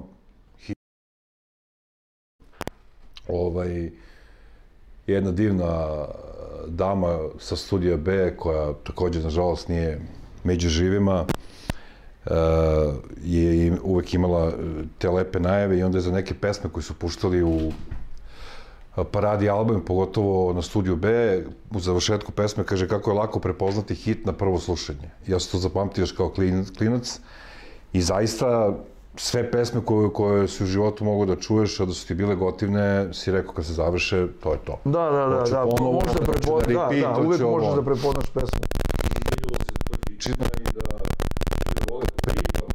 Razmišljao dok sam, uh, ovaj, imao sam dosta vremena, pošto sam metrovom dolazio do, do, do studija, ovaj, uh, razmišljao sam, jebote, šta da je tad bilo YouTube-a ili da sad izađe ta pesma, zanima me koliko bi miliona imala pregleda, kako bi, to je bilo potpuno drugačije, jer ta pesma jeste bila hit, ali opet ti nisi mogao da je slušaš, e, da klikneš na miš ili da... Da je vidiš što bilo bi- gde, moraš znači, da čekaš da se pojavi na termin, da, pa da. neka specijalna muzička emisija na trećem kanalu, na studiju B, neka lista e, tog tipa. Mislim da je u stvari tebi najviše pomogla tad e, MTS, muzička televizija Srbije, jer su imali redovno 24 sata su imali muziku i onu listu Da, i to i se onda se to vrtelo, vrtelo. da, Mislim, da. nisu ti pomogli, ti njima, oni tebi. Je. To se vrtelo puno, ba mislim vidi, to je krenulo, krenulo je po tim nekim televizijama koje, gde si realno mogao da plasiraš hip-hop. Ta stvar je urađena potpuno drugačije od celog onog prvog albuma. Prvi album je ceo bio mračan. Ovaj, I onda recimo dok sam radio na drugom albumu, imao sam tri, tri pesme, ja mislim, na albumu koje su bile onako pozitivne, vesele. Jer sam bio u fazonu, ok, sad opet se ponavljam, ali kao naš život čine lepe stvari, ružne stvari, ne možeš pričati samo o ružnim stvarima. Da. Razumeš? I, ovaj, I odradio sam te neke tri stvari koje su bile komercijalne u ono vreme, u smislu da su imale lepu melodiju i kao neku priču u kojoj je mogao bilo ko da se pronađe, znaš. I uh, uh, krenule su prvo da se vrte po tim nekim televizijama gde si mogao pustiš bilo šta od hip-hopa. Uh, međutim, uh, uh, sećam se, tad je uh, Pink bio najgledaniji. Sećam se da sam Milici. Milici Mitrović odgled, odneo betu sa spotom Biću tu i tu je krenula već priča kako to već ide kao, znaš, kao u jutarnjim terminima to je toliko, znaš, Da, to, da, da. mesec dana je ovoliko, ovo, ne, nego, znaš, imali su, pa verovatno kao i danas, neku tarifu, koliko to, koliko to košta Aha, emituje. aha, aha. Kao što danas imaju mnoge televizije, ovaj, jer sam čuo različite priče. ovaj, ka- kako I ja da sam odneo betu, baš- da, ja sam odneo betu i bio sam u fazonu kao, ja sam ovo uradio, pa kao evo, pa va- vama ako se sviđa, vi puštajte, ako vam se ne sviđa, nemojte da puštate i to je to. Nikad nisam bio u fazonu, sad ću da platim da bi se to, da bi se to emitovalo. Nekako mi to bilo onako ponižavajuće. Međutim, ta pesma je krenula toliko dobro, a u isto Da, da. vreme, izvini što prekidam, ali moram Ne, da ne, ne, redu brzinski. U isto vreme kako je krenulo Biću tu, krenula na televiziji da se emituje kao, kao spot, u isto vreme na radiju je petak prošao ono nenormalno, ono krenulo da se vrti Znači, ono- na sve strane paralelno, da. Stereo varijanta, To. analogno što bi rekli pametni ljudi. I, i ovaj, I onda i Pink krenuo da vrti, da vrti uh, spot, besomučno da vrti spot i realno, mada recimo vidiš, ja sam snimio spot i otišao sam na čuveni odmor sa prošle emisije Simu Munju i, i Đoleta, Đole Mašala koji je tad bio uh, DJ i jedan od vlasnika Soul Fooda, ali tako? ovaj, oni, su, oni su pravili, to je bila 96. O, bilo je čuveno letovanje na Adi Bojani koje je Soul Food Ja, da, organizovao. sećam se, sećam se. E, ovaj, i mi smo snimili spot pre odlaska na more i ja sam otišao na more i vratio sam se s mora i kao odjednom šta god da upališ kao bit ću tu, bit ću tu, bit ću tu, bit ću tu, kao šta je sad ovo? Znaš, tako sam bio onako prilično zatečen. Pa, mi koji smo ostali u Beogradu i nismo bili zatečeni preterano. Uglavnom, ovaj, i sad ja gledam spot i baš su mi ljudi, Bođa i masa ljudi me ono, bilo na foru, još tada, pa da te sad pitam ovako javno, gde ste, je tad Saša Dragić bio tvoj menadžer, tako? Jeste, da. E, gde ste Saša i ti, ovaj, nisam previše e, ljubitelj lika i dela Saše Dragića, ali nema veze, ovaj, e, e, gde ste nalazili te devojke? Da li su to devojke vaše drugarice? Da li je to neka manekenska sekta? E, ja, da sam, li... ja sam birao sam. Da. Ja nemam poverenja. Da, ja, dođi. E, većinu stvari, većinu stvari koje radimo volim sam da odradim zato što niko neće to da odradi. Ja zaista ne bi ulazio u tvoj intimni život, šta Da. si radio pre 25 godina, Ne, ne, birao, samo birao zanima ko je te Birao devojke birao. Pa vidi, neke, neke de, pa i za taj spot i Znači, kasnije. Ivana, za- ponedeljak, 22, ako ne budem umoran i ako ne bude mi se spavalo. Nije, nije, taj takva, nije, da. nije taj, nemoj mi podsjećaš, brate, znam da je u nekom у некој најжучи штампи да е у неком тренутку изашо текст и као велики наслов то као био сам со свим девојкама из мојих спотова. Значи ја то Нема толку дана ја то у животу не би изјавио. Таман таман и да е истина, а ние. Па тоа е глупо. Таман и да е истина, а ние, ја то никад у животу не би изјавио. Нисам такав, па, нисам тај тип човека, разумеш? У крајни случај не би да не призиваш Малер, оно кој чути то, да као, то, и као... Е, сад, кој е тоа? Сад си ме подсетио, сад си ме подсетио. Да, ја сам, па, увек bila varijanta, vidi, uvek je bila varijanta neke devojke koje znam, pa njihove drugarice, pa ne znam šta. E, I mislim da, da, da a, a neke od devoj- devojaka su bile iz manekenske agencije. Koja je to beš agencija? Kako se to zvalo? Marko? ra- Fox, iz Foxa. Da. Дај брега седи Гаго овде. Гага е Гага е екстерна меморија, екстерна меморија. не само тој да. може ти мери пулс. Да. Фокс агенција, да. Знам да сам отишол таму и погледам неке да- и мислим да да Синди или не знам кога. Синди Ивана. Тоа су како се беше после моделсици, да, да они су и јаш била нека трет. Синди Ивана Берендика, да. да. И било су и била она девојка, она што е сад со оним не сад, него веќе 10 година со оним руским мултимилијардером. Ona nije u spotu, Ona nije u spotu, nije. ali, ali, Nema ali. Ovaj, jel, jesi, na ali, on ti, da, taj, to mislim. Mali. Ne, ne, Mali, da, ne. dobro, dobro, hvala. Kad smo ono rekli da ćemo zovemo grupa ponovo, samo tu du briši, ne, nema, izbriši me zelenu da tepam. samo delete. Ovaj, Ne, ali znam da si, da si, ja samo znam. E, nema, jeste, ali, nema, jeste, vidi, jeste koštalo, ali vrlo malo. Baš malo. Ali bez Mislim, i- zajebancije, ti si da jedan je tekst bio- podsjetio jedne od tih devojaka u- tamo vožnje po košutnjaku i to. Da sam taj Druženje tekst u poslije... kolima i to. To si mi rekao jednom, u stvari ne, negde si izjavio da, da, da ste se neka od tvojih pesama, čini mi se petak, je bila inspirisana tako nekim intimnim momentima sa nekim devojkom. A do, ba, da, ne, Ne mislim tim pesmu, devojkama, nego za zato što, petak. to, to i nemoguće da bude s tim devojkama, zato što je petak pisan ranije, jel tako? Ali realno da, svi mi klinci u to vreme, ono kao nisi mogao devojku da vodiš gajbi, ono, ćale, keva, neko je imao kući babu i dedu i ne znam, to braća, sestre, znaš kao ne možeš baš, i onda je košutnjak je bio idealan. Burazara si, ovaj, bu- Burazara si mogu nekako da isteraš od Da, da, da, ćale i kevu, teško, da. Ali dobro, ali Ovaj, ali košutnjak, pa dobro, košutnjak je u to vreme, pa verovatno i danas, ja ne A znam, sad je to kapiram ovim, ovim, ovim mlađim bendovima, kad ja, kad ja kažem mlađim bendovima, to govorim u onom pozitivnom smislu, ne mislim ono klinci i, i te negativne fraze i te priče. Mislim, on imaš na Instagramu, brate ili onih devojaka. Da vidiš. Jedino što može možda Murije da ti juri, što moraš vjerojatno da pitaš da li imaš više od 18 godina, ali ono, Dobro, da, da, ono da. već, ono je već uzelo A dobro, to su generalno to neki sad ono I odnosi. dobro, da, i dobro, vi sni- snimate spot, Da. pusti playback, ovaj, uh, da, snimili smo spot, otišao sam na more i vratio se sa mora kao zvezda, brate. Pa eto. A? Evo naježio se. Čovjek snimi spot sa najboljim ribama u Beogradu, ode na more, sunča se, pliva sa nekim golim ljudima tamo na Adi Bojani, ubi Bože, sve na E, nisam, nisam nudista, brate. Ne, ne, Uh, nego zeza se ono... Onda je bilo i golih ljudi, Da, tako? bilo je. Bilo je. Ona e, ba- bila i Gaga i ti si bila. I Gaga je bila. Dođi sedi, re. Znači, ja sam bila gola. Čekaj da ukucam da vidim da li sam bila gola. Kao, nije, nije, ali je Slavimir bio go. Da. Ali pazi, sve banditi, ono, Playboy, Who is the best, Da, sve da, da, to je bilo, ekipa. bilo, je, bilo je sjajno zato što uh, žurka je uvek bila i dnevna i noćna, bila je na samom ušću Bojane, na, na ostravu samom.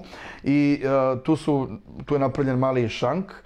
Ovaj, uh, Playboyi su bili, bili su Montenegresi, bio sam ja sa ekipom, bio je Marko, Milenko, uh, Limen je bio. Limen, da, jebote, Limen je bio. Sam zaboravio. Stajkić koji je repovao na engleskom, srpskom, italijanskom, na kom poželiš. Da. Nigor koji repuje na svim izmišljenim jezicima sveta. Da. Znaš kao, aj sad na italijanskom, on repuje na izmišljenom italijanskom.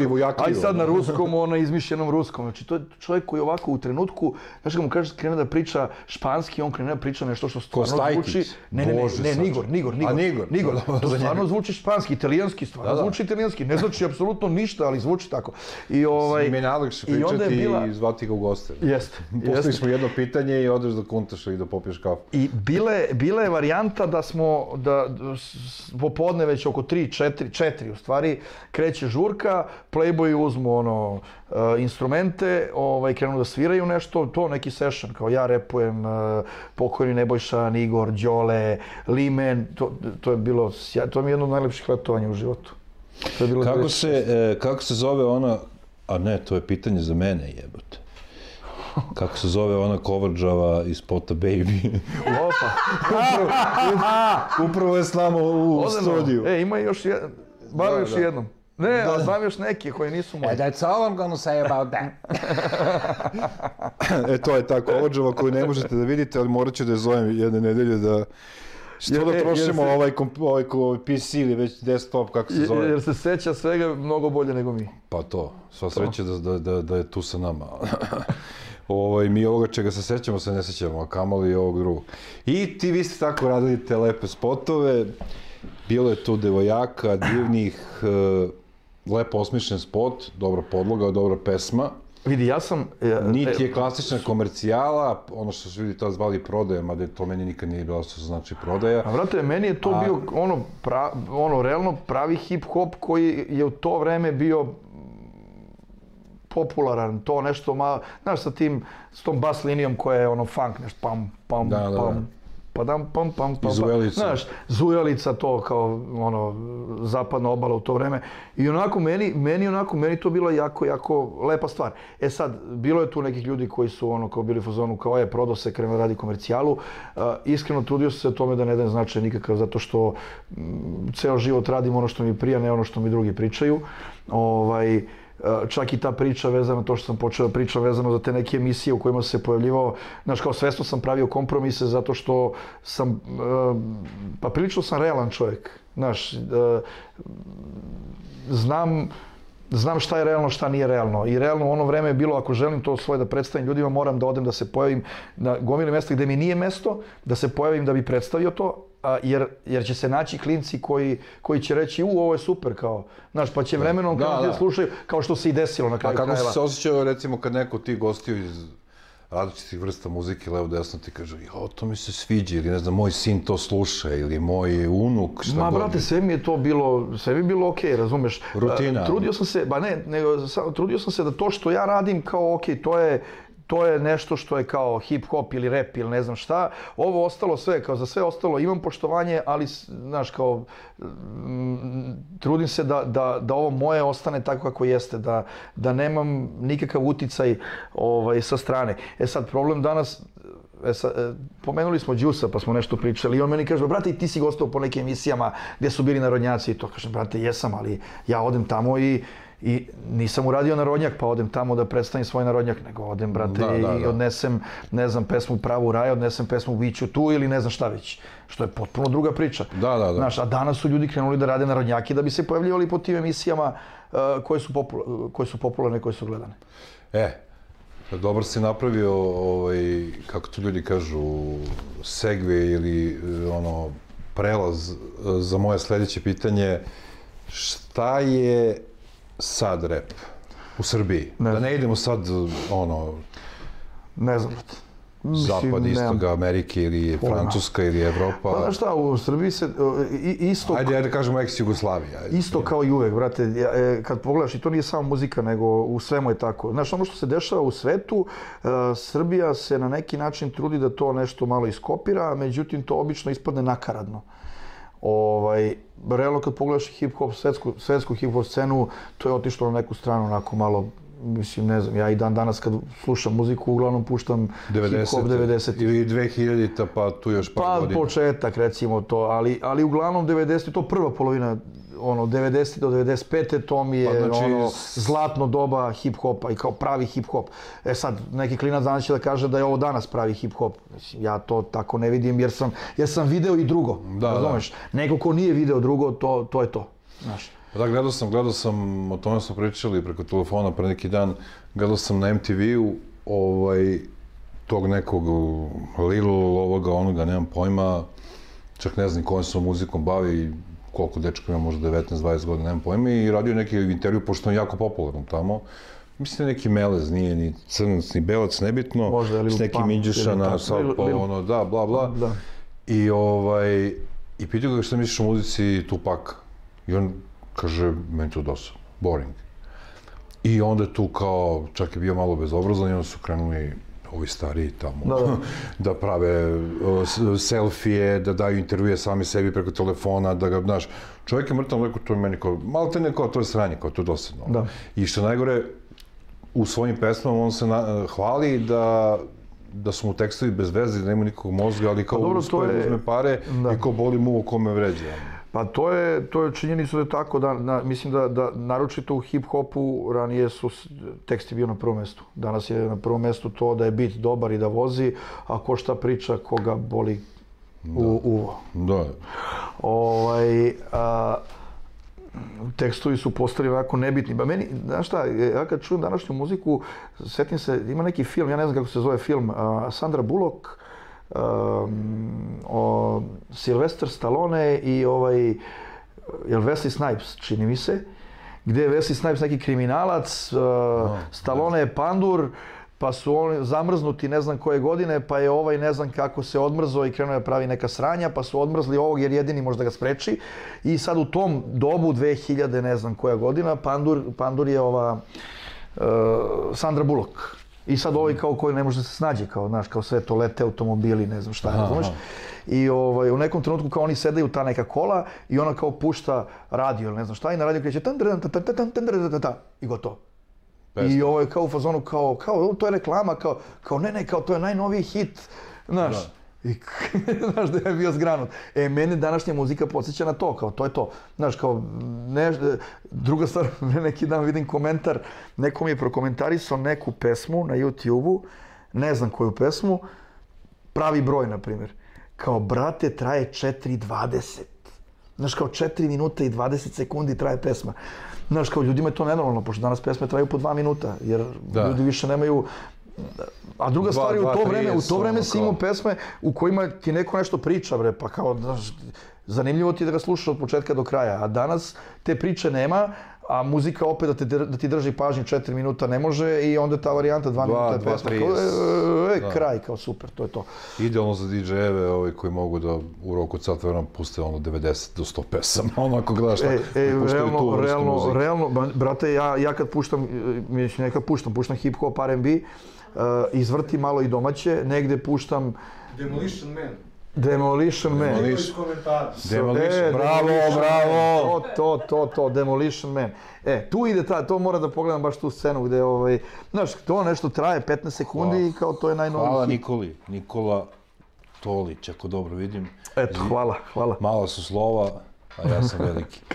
Мала су слова. Мислам, мислам, треба да кажам, јас сум висок. То. А, а, stižu pitanja, Marko iz Sije, da, Bođa je već odgovorio, Marko iz Sije će biti gost, vrlo brzo, već smo se čuli. Kao koji Marko? Plavi Marko ili crni Marko? E, ja, ja ih zovem veliki Marko i mali Marko. Aha. Tako, tako ja ih znam već 20. Znači, niski Marko, visoki Marko. I Vula je bio treći. Tako sam ja pamtio. Da, da, da. Ovaj, doći će, možda dođu i sva trojica, vidjet ćemo, to bi bilo super. On je rekao da, da će mu biti čast i zadovoljstvo, citiram, meni je drago da ga ugostim, kao i sve ljude koje znam, eto, kao i tebe, 25-6 godina, sad sam uspio dok si ti pričao da, Da se računa. da se računam, ali ovo je više, 20, interesuje moja priča, ja pričam pravo raje, 91. 92. znači 27 godina, tako ako sam ja dobro... Da, da, da. Jebote! Leti vreme, leti vreme. E, ali, ne- ali bitno je da je dobro, znaš. Pa to, Mislim, ovaj, ja se e, ne želim, stvarno. znači, ok, rekao si svoje mišljenje o sadašnjoj muzici, Pa vidi, ima tu, ima tu stvari koje su kvali... I, i, I u toj komercijalnoj muzici ima stvari koje su kvalitetne. Ima stvari Ima koje su... odličnih producenata, koje da su, se razumemo. Da, ima producenata. Za razliku od mi kad smo radili, brate, ti nisi mogao nađeš nego da ti smiksa pesmu. Da, nisu slušali ljudi bili ili rockeri ili narodnjaci. Da, da. I onda si imao ozbiljan problem kao neću bre da to zvuči tako, neću da zvuči pop, neću da zvuči narodnjački, kao, znaš, kao, ali kao da, ali kao ova noga, to je, brate, to, znaš, Da. kvalitet zvuka nula, to. Meni se- meni se kao deš- ću tako da zvuči, razumiješ? meni se dešavalo da kad sam radio sa tim producentima i to o čemu pričaš, ovaj, onda im ja donesem, ono, obavezno moram snimim na kasetu, barem 45 minuta, barem jedna strana one kasete, ono, Pesme koje su tom kako izgleda kaseta, ono, Da. i onda im pustim i onda oni to preslušao jedno dan, dva im tako stoji ono i onda ja dođem, pa onda kao je kao druga, treća, pa aha, onda mi je malo jasnije. Međutim, oni posle ipak Da. ono što ti kažeš okrenu na svoje, a onda to, onda to meni smeta, ali onda jako volim rock and roll, naravno, kao i svi.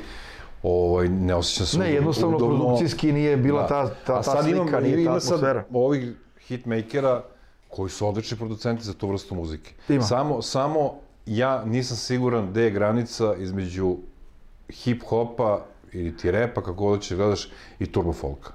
Pa mislim da ta Ja- granica ja ubijena zaista- više nema. Pa, recimo, e, ne znam, kad puštam recimo domaću muziku, ja nekako imam u glavi neku, neku granicu dokle mogu da idem sa domaćom muzikom. Čak i kad je ono ultra komercijalna varijanta, opet imam neku granicu do koje idem i šta mogu da pustim, šta ne mogu. Znaš, i onda, znaš, kao Munja koji mi kaže, znaš, kao prva žurka na kojoj Munja radi sa Novom Brownom, čovjek pusti Gastusa. Ja sam u zonu, brate, si ti normalan kao R&B, kao kakav Gastos. A čekaj, Gastos ima svoje pesme. Ima, kako nema. E, i pusti Gastos se, kaže, pa kaže, brate, pa ti si pustio malo pre od Bube i Đale, ono, kao, to isto. Znaš, i e, sad pominjamo Bubu Đalu. I oni od svega toga što rade, ima tu, ima tu nekih stvari koje su, ok, komercijalna varijanta, ali ima stvari koje mi se sviđaju, koje su mi ok za klub. Da. Ono što mi se ne sviđa je što su, uh, većina repera je realno skinula gaće, naguzila se i primila liki da bi danas došli tu gdje jesu.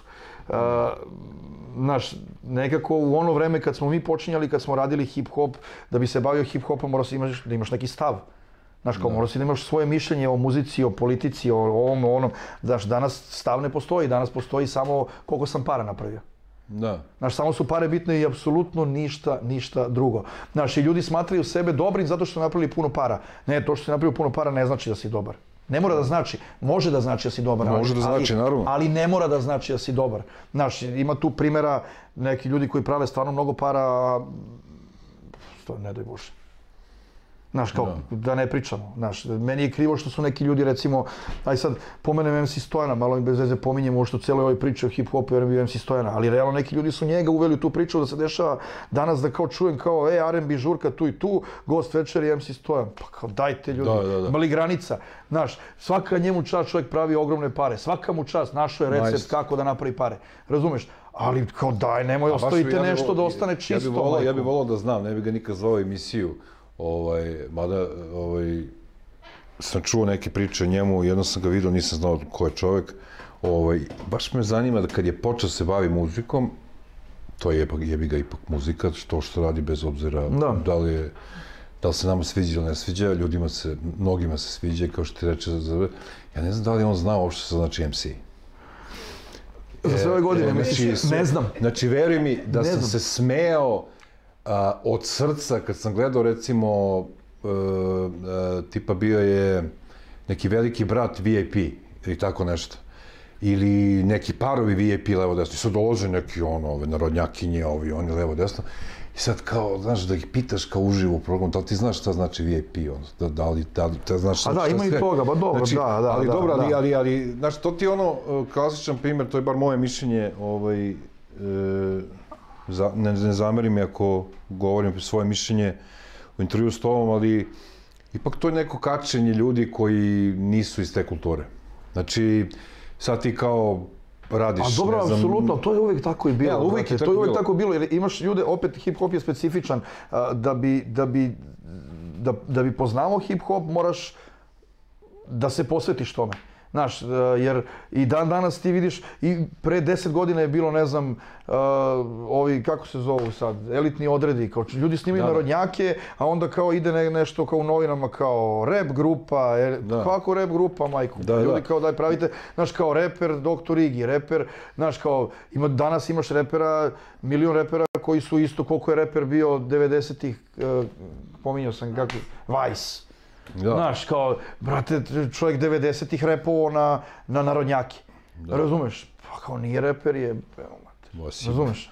Mislim, meni je krivo što ima, ima kvalitetnih ljudi. Ima ljudi koji bi postigli uspeh i bez saradnje sa narodnjacima. Jedino bi trebalo malo više vremena. Ja bi volao- Ali očigledno nije bilo strpljenja, bila je varijanta hoću Ja- da budem zvezda preko noći i da pravim pare. To mi je jako krivo. Znaš, Cobija pominjemo često i sad smo se sreli nešto ovaj, u Beču, pa smo pričali, ono, kao on dosta radi sve to. Čovjek je, što se bitova tiče, ja ne znam da li postoji neko talentovaniji od njega, ovaj, ko može brže da napravi dobar bit. Da, stvarno Da, da. dobre bitove radi sve to. Za njega je I meni je krivo, da- i potpuno mi je okej da radiš i za narodnjake. Da, da. Jer, okej, ne možeš ti sad nekom klincu da uzmeš za bit, ne znam, možda mu uzmeš 100, 200, 300 eura. Razumeš? Da. A kao to isto uradiš za nekog narodnjaka i uzmeš mu dva soma, tri soma, na primjer. I da bude ono... I da- to potpuno, ali ne zašto mešaš hip-hop i ovo, zašto, naš pesma sa Janom, sa ne znam, mislim, ja, ja, Da. znaš, ali opet kažem, različiti smo, ja to u životu ne bi uradio i nema para za koje bi to uradio. da li bi Sad volao- možda ovo pričam zato što ja, evo sad, da- danas, posle 25 godina ili više bavljenja muzikom, ja i dan danas radim tri puta nedeljno. Razumeš, možda da ja sedim kući i da nemam za hleb, razumeš, ili da, da za, za hranu za decu, verovatno bi, raz, verovatno bi razmišljao drugačije, nemam pojma, ne znam. Ali kao iz, i, sad sa, sa ovog mesta, iz mog ugla, ja, ne, nema, nema para na svetu za koje bi to uradio. Znaš, kao imao sam milion poziva od gomile, znaš, ono, prva liga narodnjaka, kao ja i uradimo duet i sve to, čak neki od njih su mi prijatelji, ajde kažemo više poznanici nego prijatelji, neki, neki su mi više prijatelji nego poznanici. Ali jednostavno, znaš, kao ja tim ljudima objasnim da ja sebe ne vidim u toj priči. Meni to, ja znam da ako uradim to da ću, da ću, o, imamo i light show, brate, kreće po klubu. Ovaj, znam da ću, Pa ne znam, da svaki... pričaš o žurkama, o puštanju to, muzike. Pa su, krenuli da... Da, da. Ovaj, znam da ću svaki vikend da radim preko i da uzimam više para i sve to, ali sam zadovoljan znaš kao čist obraz i ovo kako radim, koliko radim, koliko zarađujem, prezadovoljan. I ne treba mi ništa drugo, stvarno. A zanima me jedna stvar, e, evo, ti kad budeš imao vremena gledat ćeš Geto sigurno ili barem u, u nekom repriznom terminu, tačnije na YouTube, on uvek možeš da gledaš upload ponovo, uvek i ovo tvoje emisiju ćeš vjerojatno stići barem da odgledaš s premotavanjem ili bilo kako. Ovaj, da li misliš da bi oni bili dobri gosti za, za ovakvu neku emisiju? Cobi, Pa, brate, u svakom Rasta, slučaju, vidi- Rexona, Da, u svakom slučaju, ovaj, do se, što se Rexone tiče, on čovjek, koliko znam, nije snimao ništa što nije hip-hop. Da, da, on- oni su- on je- on je oni svoje pesme kao radio- VIP, da, da, on, da. ikad s meni su njihove pesme Ne, ne, ne odlične. mislim je Rexona- odličan, odličan, odličan MC, odličan. odličan vokal, da. Ovaj, realno, znaš, kao ovo što tiče Cobije, možda, možda je čak interesantno da, ono, bilo bi tebi interesantno i možda publici da popričaš kao, pa mislim glupo sad pričati kao motivima, zašto ovo, zašto Ne, ne, ono. ne mislim da meni to- je samo, meni je da. samo krivo, brate, što se danas klincima, mislim, aj, ružno reći, ali kao prodaju im muda za bubrege. Znaš, Da. kao meni se dešava da kao radim negde u nekom gradiću kao R&B žurku i, i mislim svašta mi se dešava. Dešava mi se da mi traže Seko Aleksić, razumeš? Kažem, brate, da li ti ono posle Jay-Z-a, ono kao i svega što je išlo pre toga, kao, kao dakle ti ideja da priđeš i da tražiš Seko Aleksić? Šta fali, šta, šta fali seci? Seci, to. Znaš kao, podeš u kafanu pa Seci. slušaš Seku Aleksić, ne možeš svuda Seka Aleksić.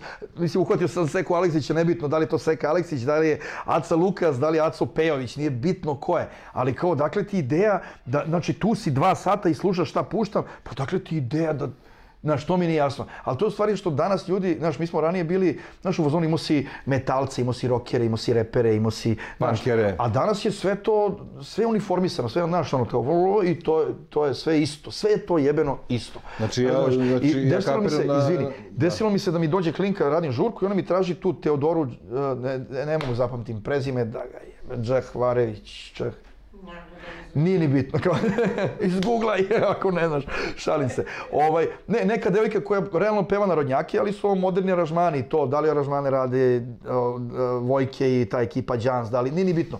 U svakom slučaju, znaš, kao nešto što je, kako? Džehverović, Džehverović. Realno narodnjak, samo moderno upakovan narodnjak. I, znaš, kao ja puštam hip-hop R&B i dolazi mi riba i traži mi da pustim pesmu od Teodore. Ja kažem, pritom ja nisam drkađija, stvarno. Znaš, kao stvarno i mi ono stepen do kog možda me forsiraš je onako prilično visok, razumeš? I ja kao, izvini Milano, ja stvarno kao ne vrtim narodnu muziku. I on mi kaže, pa to je R&B. Da, Znaš, i kao ja sam znam, pa kao u, u kom univerzumu je to R&B, razumeš? Da. Znaš, to je, a, mislim, ist, slična je priča kao 90-ih što si imao Turbo Folk gdje su snimali narodnjake na dance muziku ili to nije house, ali kao taj neki tam Da, da. stup, stup dance. Znaš, kao danas to isto rade samo sa reggaeton ritmovima i dancehall ritmovima, jer su bliski Da. bliski su našim narodnjacima. Meni je zanimljiva To je to. ova devojka. To je stvari turbo folk ova, 21. veka. e, Senida, ima, ima lepu boju glasa. Ona je lepo, vrlo interesantna, vrate. Ja prvi Da. put kad sam čuo pesmu Slađana, bio sam u fazonu, ali sam je čuo, tipa pustio sam IDJ i krenula je jedna pesma kao IDJ rap. I kreće jedna pesma, druga, treći, sve narodnjak, brate. Narodnjak, narodnjak, narodnjak. I kreće ona sa nek... Ima tu nekih primesa nekog etna malo, da li kroz pevanje, da li više ne, ne mogu da... I bio sam u fazonu kao, znaš, ostala mi je, znaš kao, zapamtio sam je. I bio sam Da, u da. fazonu jebote i ovo narodnjak. Međutim, drugo slušanje, ko pa, brate, ovo je dobro. to je i već R&B ona- sa primesama malo folka, ali... Pa, sa a- primesama ali- to kao ali- R&B na neki balkanski način, ali zdravo, ispravno, ispravno. Aren Razumeš? Balkan. Da, R&B Ali, Balkan, ali R&B Balkan. Harizmatičan vokal, lep Ima vokal, odličan vokal, dobro dobra peva, ne znam odlične ideje, da tekstovi- radio tekstovi Relja, su i- da, te- Cobi, Rasta, ne znam ko je Ne radio, znam, ali... neke stvari radi od sobi, neke stvari su radili neki ljudi koje ne znam, nemam pojma. Ali ovaj, u svakom slučaju meni je ona jako interesantna. I ona mi je recimo nešto što, što mi je ono svetla tačka u svemu tom danas što ide. Znaš, kao Rasta ovo što radi, znaš, kao neke stvari su mi ok, povuku na neki dance hall na, na način na koji treba da povuku. Neke stvari su mi mnogo, brate, narodnjaci. Da. Znaš, nebitno, aj sad više da ne nabrajam i da ne, Ne pominjem ja- ja- ljude po, po, po imenima. Ja sam i rekao, što kaže Mlata, nećemo da pravimo nikakve tabore, nikakve priče. Ma, brate, vidi, Sad ja stara rekao- škola, nova škola, ti Da. imaš pesmu stara škola, nova škola, to nije to. Nego misli sam nekakve bifovi, nikakva sranja, nego Ma ne, to geto je- nije geto je otvoren da, za da, sve, da. tako da ovom prilikom o, poziv i za Basivity, i za Cobije, i za Rastu, Imamo dosta pitanja za njih ovaj, o tome što oni rade, nema potrebe, jednostavno argumenti, obična Nema, priča. naravno, e, znači svako nek radi što vidi, radi, znaš, svi smo- a, a što se tiče narodnjaka, ovih, eh, ovih, eh, što ti kažeš, prva, druga liga narodnjačka, ja uvek kažem, ovce treba šišati. Iskreno, ne, bilo bi licemerno s moje strane da kažem da ako bi mi došao neki narodnjak, ne znam, koji god je, nemam pojma, ne ovi kao, sigurno ovi bitniji, glavniji već imaju svoje tekstopise, aranžere, sve to je koji mi rekao, hoću mi napišeš tekst recimo za 500 evra, ono, kao, treba mi. Nema, naravno, Znaš, naravno. Ne, da nego ne, samo... sa- ali ne, ne, bi, ne bi baš bio toliki licemer e, da uradim spot sa njim, da, da se ja pojavljujem na ovo. E, to je- to je ono što- što sam ti ja pričao, tekst, da. ali, da. Uradiš tekst, uradiš bit, sve to, ali kao sad gostovanje, kao featuring, meni to, mislim, ali opet kažem, svi smo mi različiti, svi imamo drugačije ideje, pogled na, pogled na muziku, pogled na svet, na život uopšte, razumeš? Pritom ovo moje I svako treba da radi, svako treba da radi, vrate, ono što misli da treba da radi. Uh, znaš, svako će iza sebe da ostavi ono što će da ostavi, znaš, neko, neko možda i ne, razmišlja o tome, kao boli ga čisto ovo, da li će da ostane nešto iza njega, iza njega ili ne, ili će samo uzeti pare u tom trenutku, znaš, možda je to najbitnije, nemam pojma. Uz, uspeo si da Ovaj, nađeš izraz, ovaj, pošto dva puta da. si rekao k, sad da boli ga uvo, znači na kraju Da, da, da, dobar sam, dobar sam, dobar, navik, si da kažeš i tu reč, navikavam, veze. navikavam ovaj. se. Samo da ne Ovaj, zaboravim, izvini što te prekidam, ovaj, treći put je čovjek postavio pitanje, e, izvinjavam se svim našim gledalcima, čije pitanja nisam ovaj, pročitao, malo je teško slušati gosta i gledati ga ovako lice Kapiram i da gledati na čitaš šta je, PC, da. nema nas ono 15, zato smo izvali Gagu da nas ima 30. ovaj, e, dečko 2691389 te pitao za Beogradski sindikat. Šta misliš o sindikatu? To mislim su odlični, imaju svoj fazon kog se drže. E, mislim da, ne znam, meni nekako, e, volim kad, kad ljudi imaju svoj fazon i drže se svog fazona. Nije ona varijanta, znaš kao je, nisam prošao s ovim pa ću sad da radim ono. Ovaj, oni imaju svoj fazon od kako su se pojavili isto rade, tako da, znaš, kao ista priča, to angažovani tekstovi, e, tvrdo i meni to potpuno ono, okej, kako treba. Koji ti je trenutno omiljeni bend uopšte? Ili neka vrsta muzike, možda šta najviše? Ruci, brate. Znači, toliko više muka od svega da se vrati na staro. Nije, znaš kako, ba ne, iskreno, znaš kao, mogu da slušam stvarno sve i svašta, ali, ali najviše uživam u tom nekom Crossover između retro, hip-hopa, da. hip-hopu, on, retro, jazzy, ne znam šta. A domaćih? Znači, Ruci i, i ovaj, Ruci i Common, Common Sense, recimo Dobro, te njegove stare stvari. i on je ostao Da, to, to sebi, stvarno volim, to volim. vibe-u. A domaći, brate, pa ne znam. Nemam pojma, ono... Uh, Mardeljano je odličan. Mardeljana, dobro. Znaš, zato što on radi taj neki hip-hop s početka, zvuči kao hip-hop s početka 90-ih koji je meni bio onako omiljeni hip-hop. Dosta originalan, onako... Da, pa originalno u ovo doba zato što više niko to ne radi, a meni je, meni je to ono pravi, pravi, ono pravi hip-hop. Da. Ovaj, od ove komercijalne varijante više ne znam, ne, ne, nemam predstavu, ne znam. Ja nešto nisam ni... Ono što ti kažeš, kad ti ljudi dođu i traže... Volim struku da slušam, struka mi je odlična, struka ima tekstove, ono, Ne znam ko je to. Ne znam Koliko i on je jedno 25 godina u Da, priči, minimum. da. Struka je odličan, Ikac, mada Ikac dugo ništa nije snimao, ali Ikac ima energiju kao niko drugi, vrate, na Da, da, sceni. on je njegov deo iz Moj život uh, od VIP mi je ono, Pa ima i to, ono, grad, grad, uju- je tako za grad ujutru ili tako nešto. Ne, ne, isto. tam je pesma postala i od THC, ne brini, ovaj, ta, to je pesma koja se dešava da pustimo 10 puta za redom, pogotovo Da. onaj drugi deo. Ovaj, um, šta si pomenuo, da, struku si pomenuo, oni su u jednom trenutku radili, ti si radio sarađivao sa strukom i ovo. Jesam, se- da, pa to stara se škola, nova škola, skoro. struka je gostao, mislim da, Da. to bio i prvi, Relativno skoro smo se prvi videli na. Dorčev placu, bio je Marcello, Marcello, da, ćemo da, da, zvati, da. najveći intelektualac među reperima i Da, najveći reper među intelektualcima. Ovaj, e, ko je još bio? Bio je Andrej Srećković iz Sunshine-a, Bogi, isto iz Sunshine-a, mislim, ono, sliku smo radili za odlična Instagram, nisam mogu da verujem da, da su ljudi samo klik, klikće, ono, klikće, ono, znaš, kao, a bez onih tagova, bez onih stvari, znaš, kao sad nas trojica, kao, da, mislim, Da, o, e, ali moram da, moram da pomenem, i to, to se ponavljam non stop, ali moram, jer je tako je.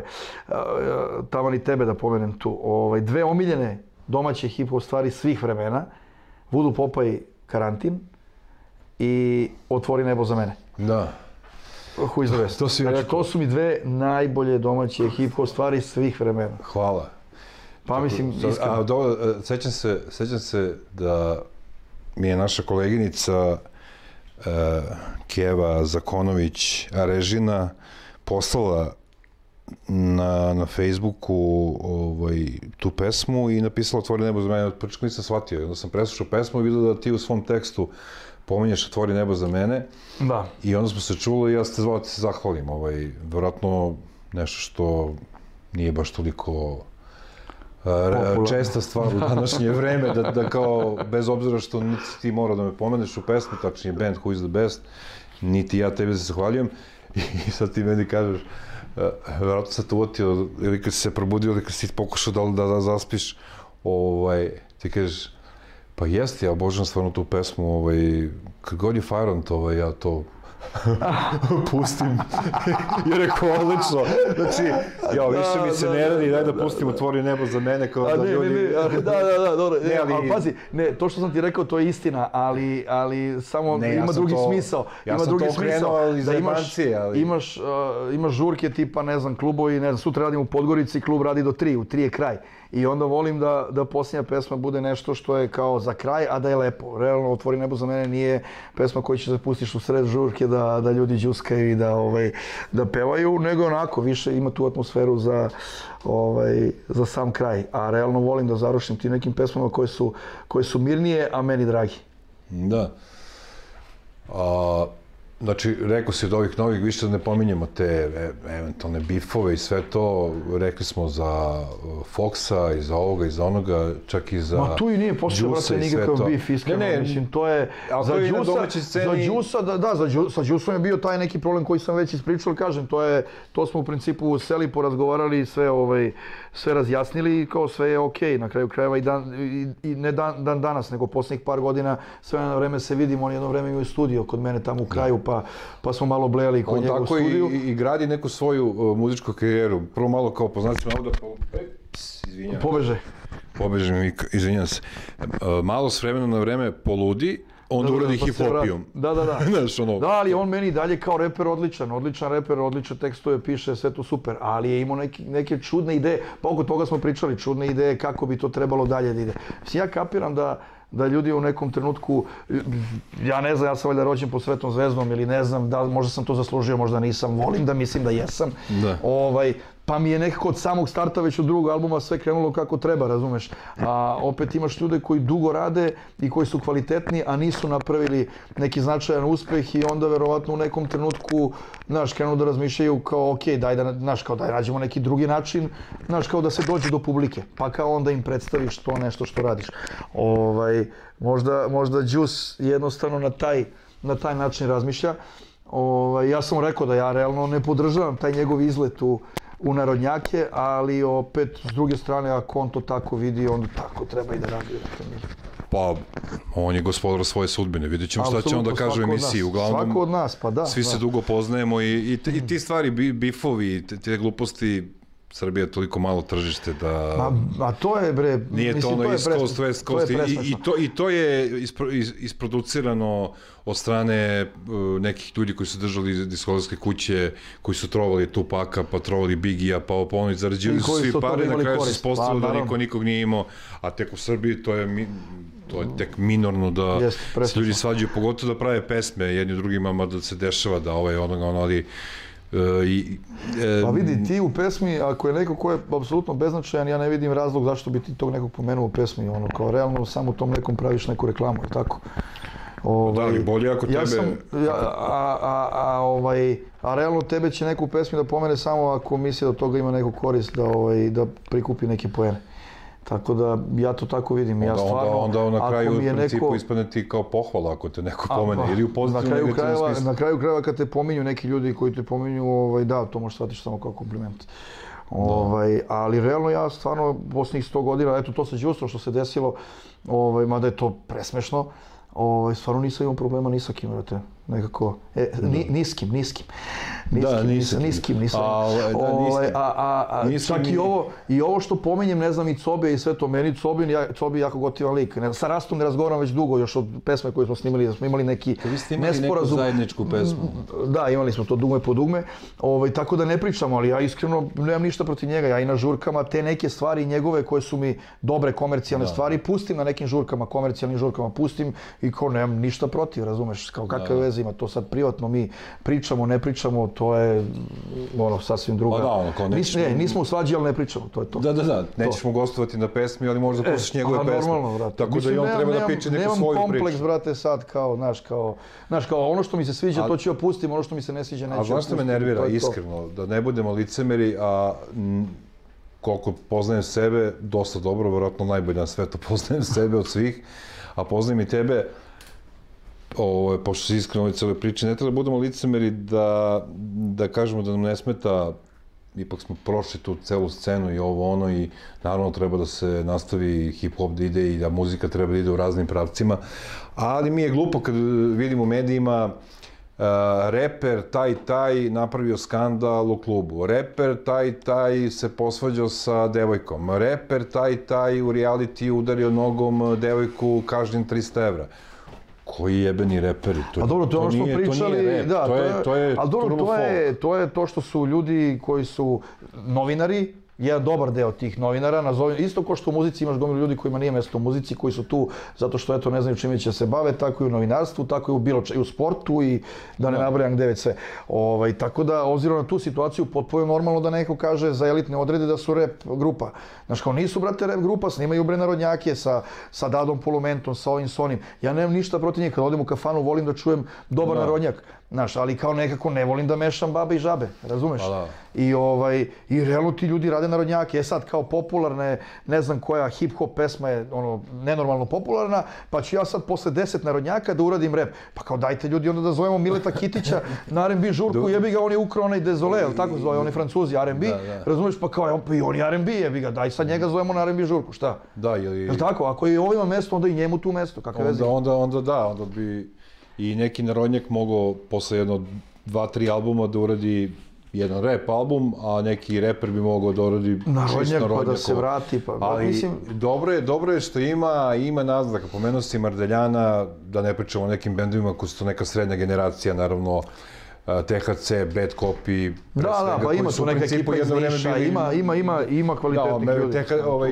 Bad Copy su jedno vreme bili mainstream, ali ne nekom svojom željom, nego su ljudi slušali te pesme, pa Što je meni popali, možda nešto slično kao Biću tu, na primjer, kao Što je meni potpuno u 10-15 redu. godina kasnije. Da, oni su, oni su sa pesmom, kako beše, idemo odmah. Idemo tako, odmah. Idemo odmah, napravili nenormalan uspeh. Ovaj, I to pojavljivanje u realitiju nekom... Veliki brat. I to čini mi se brat, da. ono dok su reality mogli da Nego- se gledaju. Jeste, meni je to bilo potpuno opravdano. Danas, Stiropor. danas, ući, danas ući u reality je potpuno, ono, ne, ne znam, ja ne vidim... Ja vidim, vidim. samo ako nemaš baš ono, nemaš hleba da jedeš. To nemaš leva zašto jedeš, ne? jeste. To- Ma i u toj varijanti ne, zato što će realno da ti se s oproštenjem useru u život. Znaš, Pa to jeste, ali i nekim Ako god mi je loš život, ne treba mi, mislim. Ja, dobro, baš- nekim ljudima očigledno život nije toliko zanimljiv ili... Pa to sam primetio, da, da žive- da žive na Jer Ja televiziji. sam gledao on, onaj lik, kako se zove, onaj... e, ja njega uvek zovem, evo ne mogu se setim, ja, ja njega zovem kao bivši muž Goca Tržan. On je profesionalni Aha. reality izvođač. Znači, ima ja mislim da, sam ga gledao u tri reality. ono. Ne, koja tri? Da, ja sam Ne, ne, Kevu, uvijek je u istom, ali jedno, jedno Ali deset pazi godina. koji, koji, Nije, pazi ali nije kad pogledaš čoveka stoti put, ono, Da, nažalost, brate, on nije jedini, eh, on nije jedini čovjek koji je, znaš, takvih ima dosta. znam, znam. Stvarno dosta. Ja, ja ne kapiram, znaš, kao, koliko, koliko para ti u tom realitiju uzimaš, koje su to pare koje će da ti plate to što si ti stukao, ne znam, pet godina života tako što si ono kao uh, miš onaj za eksperimente, razumeš, u, u, u nekom realitiju. Potpuno je ono neverovatno. Znaš, kao kapiram da neko uđe na mjesec dana, Mhm. pa kao izađe i tih mjesec dana iskoristi da se izreklamira, pa je izašao, pa je snimio album, to još i razumem.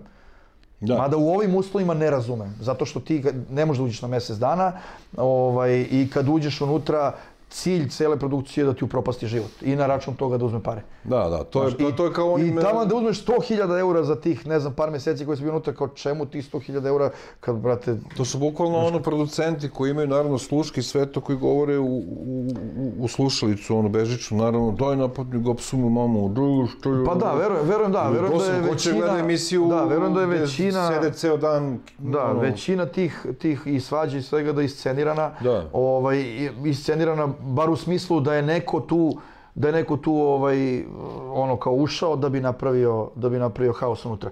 Jer realno znaš kao ljudi nekako više ne ne znam ja stvarno nemam Znaš, kao ne vidim ni jedan razlog dobar zašto bi neko gledao, gledao reality. Kao imaš svoj život, baviš se svojim životom, kao imaš probleme koje treba da rešavaš, imaš lepe stvari koje, se, koje ti se dešavaju. Kao čemu, čemu gledanje ono kao šta je ovaj ovom rekao, šta, ja Da, da, da. ne A- mogu da shvatim. Znaš, i to što kažeš, nekad je taj veliki brat imao smisla. Ne, bio je super. Znaš kao neke igrice, to traje mjesec dana, to je kao ok, mjesec dana, da, da. da se izdrži, I gosti su bili drugačiji, I kao Boga. dobri I gosti, i, si da na- budeš i, i da nešto, vidiš ba- nešto, da naučiš nešto, da, ok, bilo je i tu gluposti, razumeš, ali Slažem opet, se. opet imalo smisla, danas nema smisla, danas u realitiju, čast izuzecima, ali su ono, ono, e, ološi, e, prostitutke, i, Ili wannabe prostitutke. pa, da, ali, kažem, čast izuzecima, svuda se desi da zapadne neko ko je, bi super da koji je tih normalan i ja 50 ne znam kako može normalan sobama da, izađe. odatle, Jedan brate. izađe i da napravi ne, bilo šta, da napravi film ili muziku ili šta. Ovaj, tako da slažem, evo i gledalci se javljaju ovaj, na četu da bukvalno svako treba da radi ono što kako i kako misli. Ma, naravno, I da je- jednostavno samo treba biti iskren u celoj priči i ono kao ne, ne, ne treba niko nikom da se sad pravda kao sad ja radim sa ovim, sa onim ili sa narodnjakom ili sa zabavnjakom kako se nekad govorilo ili da ne kažem u naše vreme, da li neko taj radi tehno ili radi drum and bass ili radi hip hop ili radi bukvalno muziku za ono Schwarzwald i za Garmisch-Partenkirchen i za diskoteke, ovaj, šta ima kao se pravdaš bilo kome, kao, znaš, kao, to je tvoje... Pa dobro, samo sve treba nazvati ljudi- pravim, sve treba nazvati Slažem pravim imenom. Slažem se. Ali ja bi, ja sam pričao to u prvoj emisiji sa, sa Mašalom i sa Munjom. E, apsolutno nemam ništa protiv ljudi koji zgrću gomile para na te turbo folk na taj neki e, turbo folk hip hop, ja ne znam kako bi to nazvao. Ne bi, ne bi mešao turbo folk i hip hop jer mislim da je to bogohuljenje, iako nisam vernik, ali je ružno staviti to u istu rečenicu, ako sem ako nisi istoričar muzike, ali čini mi se da, da e, ljudi nemaju izbor. Znači, kao što ti trenutno, nećemo da pominjamo naravno politiku, ali ti baš moraš da googlaš i da juriš po telefonu ili ovo da bi saznao neku vest. Čekaj, ali, jel imaš... dobro, ali, ali ajde sad da pogledamo ovako, smo mi imali izbor? Pa jesmo. Pa i oni danas imaju izbor i to Pa imaju to mnogo jeste. veći izbor nego smo mi imali. Oni danas imaju internet, imaju uh, da, da, da šta god da im padne na pamet u svakom trenutku mogu da iskopaju. Šta smo mi imali? Mi smo 90-ih imali ono bugarske kasete kod skrca, al tako?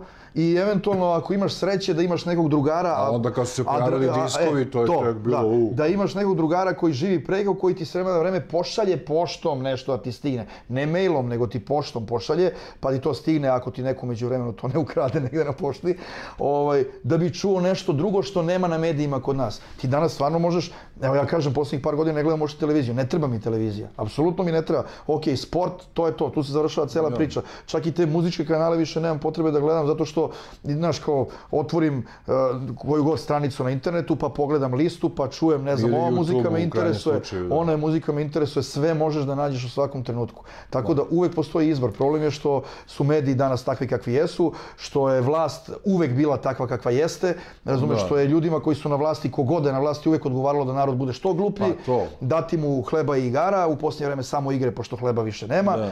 Ovaj, i, Ima na pola I kila. to je to, znaš kao, znaš kao ako se dešava nešto loše, kao evo sad je ovaj futbaler s oproštenjem kresno ribu od ovog, sad je ova trudna s onim futbalerom, što- sad- i i kao narod zaboravi da je gladan i to je to. Ali to je tako Ali- od ali to- 90. do danas. Ja ne Slažem pre se, ali- 90. ne znam, ja sam bio klinac. Ali, ali to je čitava uh, nauka I- iza, iza svega toga. Naravno, Recimo, da, i zato gledaš i muzika takva, klasično zaglupljivanje ljudi. Na internet stranicama šokantno, užasno. Od ovoga će, srce će vam stati, ovde ćete zaplakati. Da, da, da, da, da, naslovi koji- Sve clickbaitovi, ono, alo bre, ljudi jeste... A to što nikad radiš nije, nije slučajno. Pomenuo si, i drago mi se pomenuo, pošto ja stalno cerem o tome, znači, najviše što zameram, svaka vla, vlast kraducka ili krade. Znači, stepen je samo 99,9 ljudi ulazi u politiku da bi kralo. Mislim, ko Pa, ulazi u politiku, da. ja ću pomognem narodu, te, brada, ma boli. Ne. Dobro si ulaze s tom pričom. Znači, da, i krali su ovi, krali su oni. Mi sad, kao, sad to možeš da napraviš gradaciju,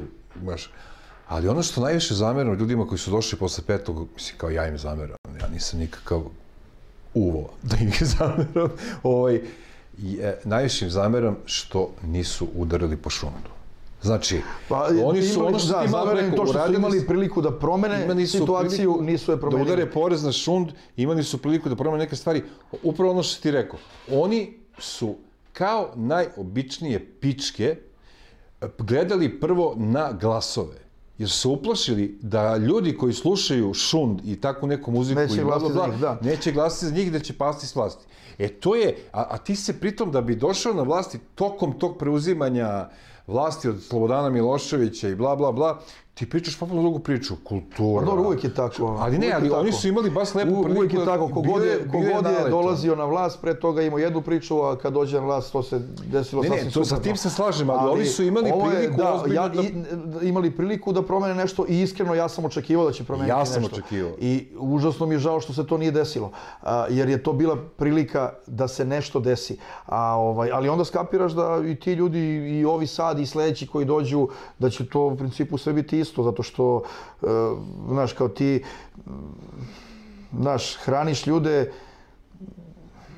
нечиме 20 година или 25 година, da ne kažem čime ih hraniš, pa posle 25 godina kad im kavijar daš, oni kažu, u, ovo je sranje, daj ti meni ona Da, da, da. govna sa oproštenjem. Ili nešto srednje. Na koje sam navikao, kao, znaš. Da, ne moram baš da mi bude toliko dobro. To, ma ne, nego, nego im je gadno, nisu navikli, brate. Nisu navikli. Ljudi, ljudi dosta stvari pitaju, komentarišu, hvala svima. Ovaj, normalno je da u drugoj emisiji to e, e, više Ide više, ma, normalno, Pitali da. su te za, koliko sam uspao ovde vidim, uz još jedno izvinjenje što ne mogu sve da pročetam, ne, ne mogu da stignem. E, da li si puštao muziku u Novom Sadu ili znaš neke novosadske bendove? U Novom Sadu jesam puštao muziku, ovaj, a od bendova ima, uh, jao, kako beš sad mi stao mozak. Sad ti stao mozak. Black, back, back, back Flash. Ta, back Flash. To mi je potpuno sumanuto. To, to je toliko nebulozno, brate, da sam, čuo sam pesmu Mama i, i to je takva nebuloza. Ali nebuloza u najpozitivnijem smislu reči. Ne, ne, znam, skapiram. Da Koja je sam bio u fazonu, pa neki rep, ali onako, Znači backflash, evo, Backflash, tražite da, backflash. klik, klika, da. Ovaj, I znaš da sam bio, Sad. kad sam video to, bio sam u fazonu, sad, ću da, da, sad hoću da vidim sve što su ti ljudi radili. Znaš kad sam pogledao sve što su radili, potpuno, potpuno nestvarno. I dobar je fazon. Ba, jako interesantan. Nešto da, što dobro. je apsolutno nekomercijalno i znači, meni, se, meni se svidelo, meni se svidelo, da. Ovaj, A sad, a ima, sad- ima, a, dobro, da se ne prisjećamo 99.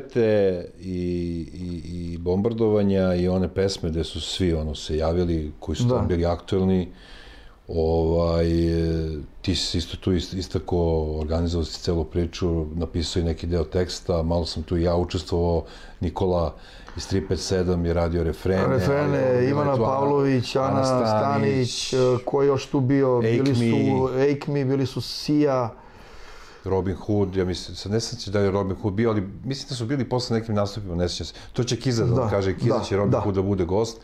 Ako uspijem da ga nateram, kao i Sonja Talas, njih bi volio da vidim, ovaj, da pričamo malo, ali e, ono što mene zanima, da li si ti, ja, ja sam za to pričao, da li si ti da, za to da se podvuče jedna crta i da se krene jednostavno ponovo, ono, kao, sa tom muzikom i svim time, i, da, i, i da li misliš da će ovo trenutno posljedačenje nacije u, potrajati, svi, u, svom, da. u svim delovima društva, znači ne samo u muzici, tačnije u kulturi, da li će to jednom kao čisto da stane i da kao... ja ne vidim da će da se desi neki kraj, iskreno. Ovaj, ja mislim da se ovde sve dešava u nekim ciklusima, ono, u krug ide ovako.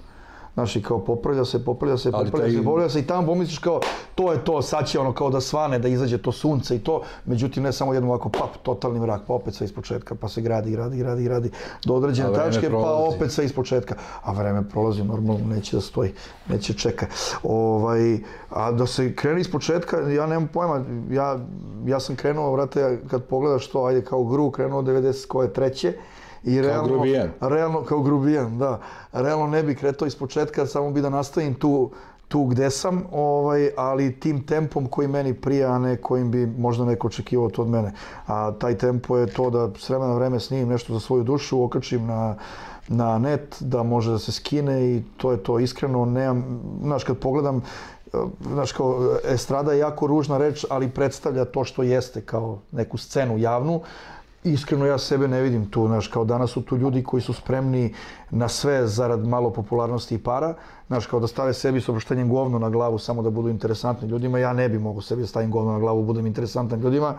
Ovaj, druga stvar, novinari forsiraju te koji su spremni da stave to govno na glavu, zato što su ljudi spremni na sve i da se slikaju goli ovde i da se jebu s oproštenjem u ćošku negde, razumeš, kao snimila je, Što su- što kamera je snimila, kamera je, uhvatio je paparaco golu u kabini za preslačenje, ne znam, u Delti. Pa kako te kamera a, uhvati? a njen menadžer Znaš, sasvim slučajno dao 300 evra Dobro, tom to je, novinaru. da, ma naravno, i to, je, i to se zna da gomila izvođača ima novinare koji su na plati mesečnoj, gde, znaš, kao za te pare imam jednu naslovnu, imam srednju, ono, A znaš, dve ka- znaš je strane meni, i on- znaš je meni, ono, totalna zajebancija, ne znam kako ljudi nemaju toliko mo...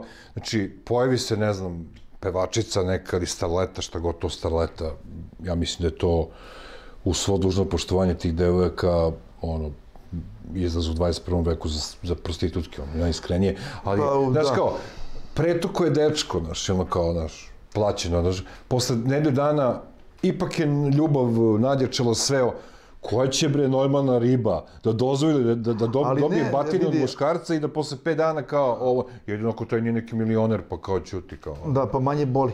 Da, da manje boli ako ima par. To je ona fora, realno- ona fora de, debe, debeli tip bez para i debeli sa parama. su ribe, ono, ovo je su- debela svinja, ovo je debela svinja, ovo je meda. Мушкарци су мушка.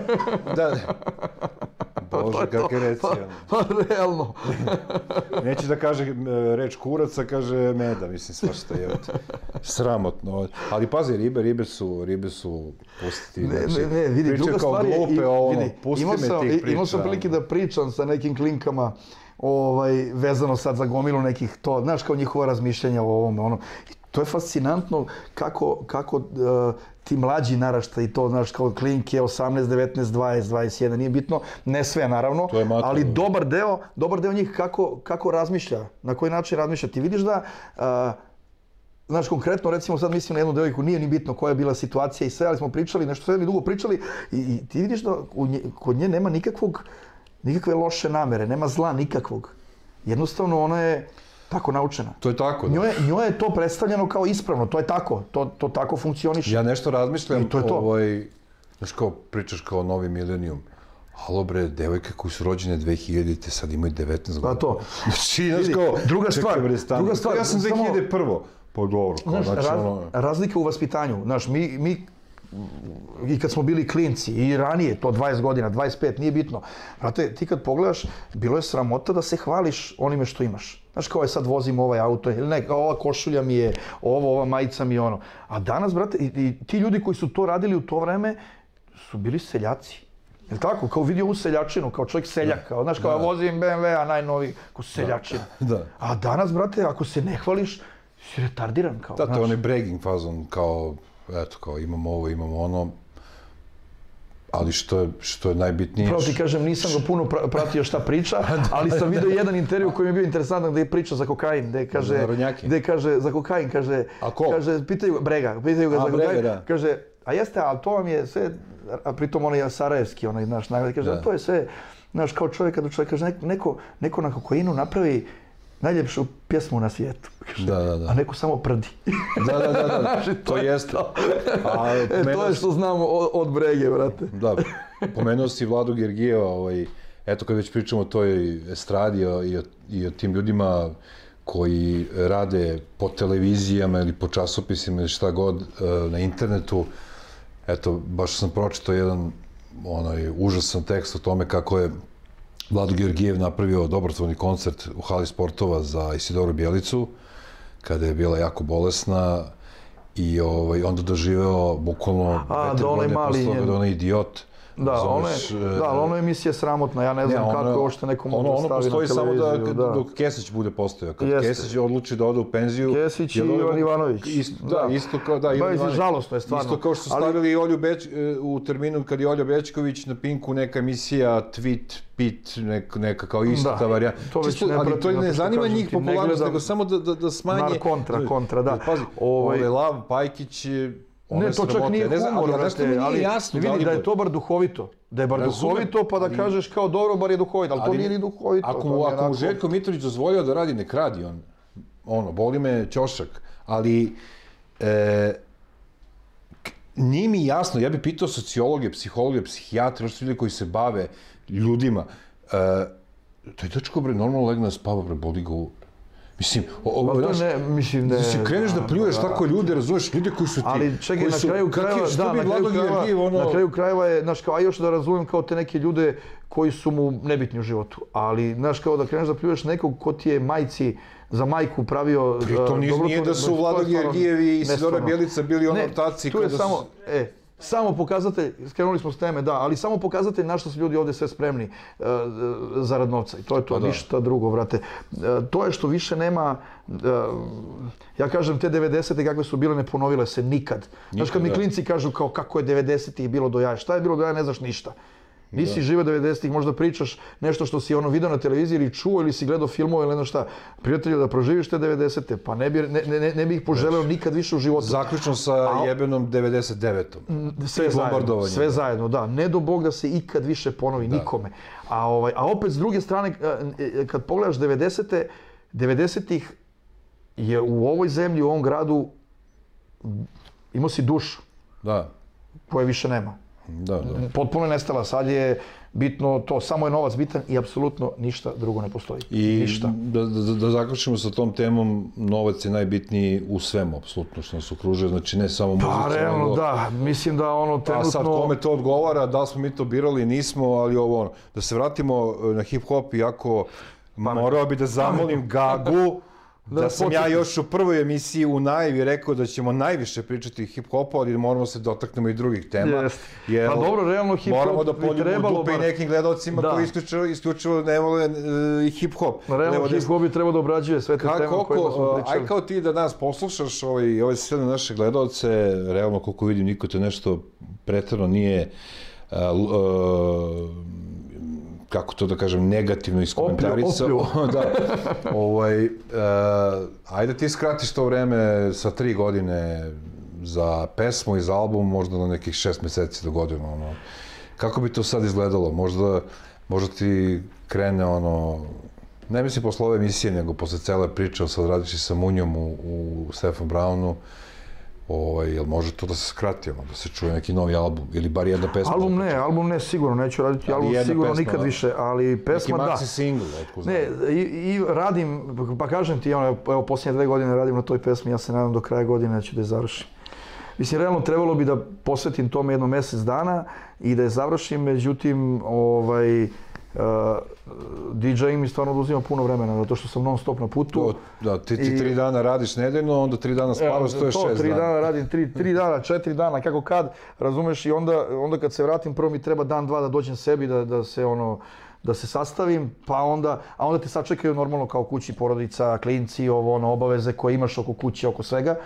Ovaj, I realno ne, ne uspijem da nađem dovoljno vremena Znaš, kao, to nije varijanta, posvetim se dva sata dnevno tome. Znaš, kao, treba da, da uđeš u to i izađeš kad završiš. A to mi onako malo, malo ovaj, teško. u ovom Evo, trenutku. možemo, možemo ovaj Ali ti... se nadam, do kraja godine, do kraja godine mora da bude gotova pesma. Opet si ot- otresao mikrofon. Ja ne mogu da verujem, ja ko da prvi put držim bubicu. Opet si ga otresao sa oproštenjem. jako. ovaj, A pazi, mi ovako Vidi, svake jako sam- nedelje menjamo to, ima se, razumiješ, da, ja da. ove bubice stalno ono kao sklonite se. Da. Evo, možemo napravimo duet, ovaj, Džana brat i Gruja Koreli. Ana, brat. Dža- Džana brat i Gruja Koreli, eto. Gaga će sve da nam uradi, pošto ne može, ona je nervozna. Ostavite se te teme 90. ja on. Mislim, nije ona rekla tim glasom, ona je rekla mnogo vidi, muženijim e, glasom. e, glas- ja sam to tako. Realno bila je glas razuma. Da, da, razumijem. Pa, pazi, ovaj, što se mene tiče, ja razum nešto i nemam, tako da njen glas mi je okej skroz. Ali hvala Gagi, Gaga je uvijek bila ortak, to jeste, za razliku od mnogih. Jeste. A ovaj, e, Znači, može se očekuje do nove godine. Ne, ti pa znaš sine kad je nova godina, znači sad je maj mesec, Znam, znači znam. imaš samo 7 meseci. U stvari, da, za tebe je to samo. A nije, znaš zašto je samo? Uradi Zato što- kao ovi, dva, vidi, dva minuta Ne, pesma, pazi, šta? pazi, pazi. Ovaj, a, realno to bi moglo i ranije da se završi. Međutim, meni kreće, imam, e, od početka juna imam raspored neverovatan potpuno. Imam, a, E, idem, idem na svetsko futbolsko prvenstvo za umetnike. Razumeš? Svetsko futbolsko... Mi smo došli se vređamo, šta je to? idemo svetsko futbolsko prvenstvo za umetnike, brate, igramo svetsko futbolsko prvenstvo. Čekaj, e, Glumci, jesi, jesi ti muzičari. futbaler ili umetnik? Ja ne mogu da... Da. Poko, ka- kako ideš ono? E, fora je... Ne, ja sam, izvinite, ja sam golman. Da, da, da. E, nisam golman, ne do bog, stvarno tu se ne bih našao. Ovaj, mada se, teško se snalazim i na špicu, ali dobro. A ja Kao, kažem, nisam- nikad, ne, e, nikad ne treba uzeti u timu. e, Nisam brz, nisam brz, ali zato nemam tehniku. Da, da, pa to je to. Ovaj, i, I- i da. to se svake godine igra u Moskvi. Ovaj, Opa. I ovo je prva, kod ovo je prva godina, prva godina da idem i ja i jako mi je drago što će biti tako. Bar bi trebalo. Ja, znaš da. možda ko nastupa? Ali je dobra, dobra je fora što ko je pored timu? toga, pored toga što se igra fudbal, pa pomenut ću neki ljudi, ali pored toga što Ajde. se igra, što se igra fudbal, ovaj To je tu mali fudbal, je tu tako? je i neki koncert. Ili veliki fudbal? Veliki fudbal 11 na A, 11, veliki ujeo. teren, sve da.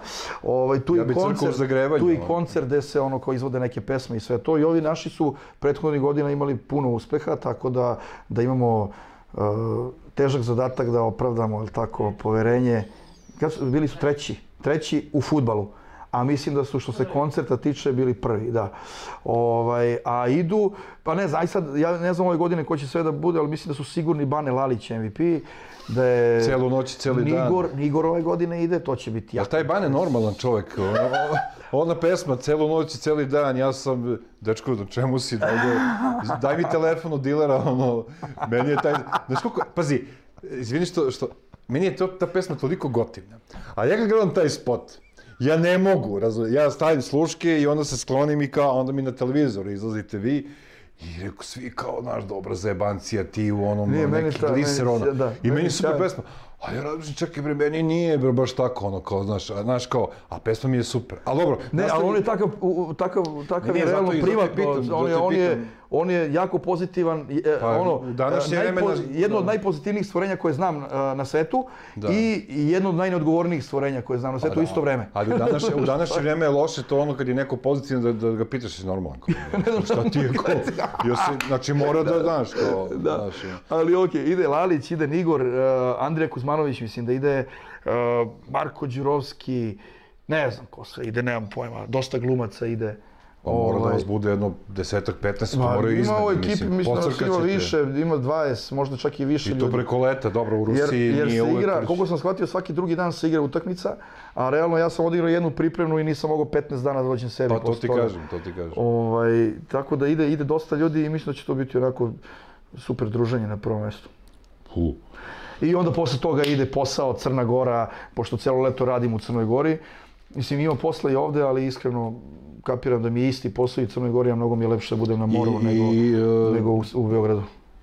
I onda da realno, realno sam nazad, realno, da, da, da, R&B. da, da. Dobro. Svuda puštam hip hop i R&B, da, da, da, da, nema, da. nema ništa.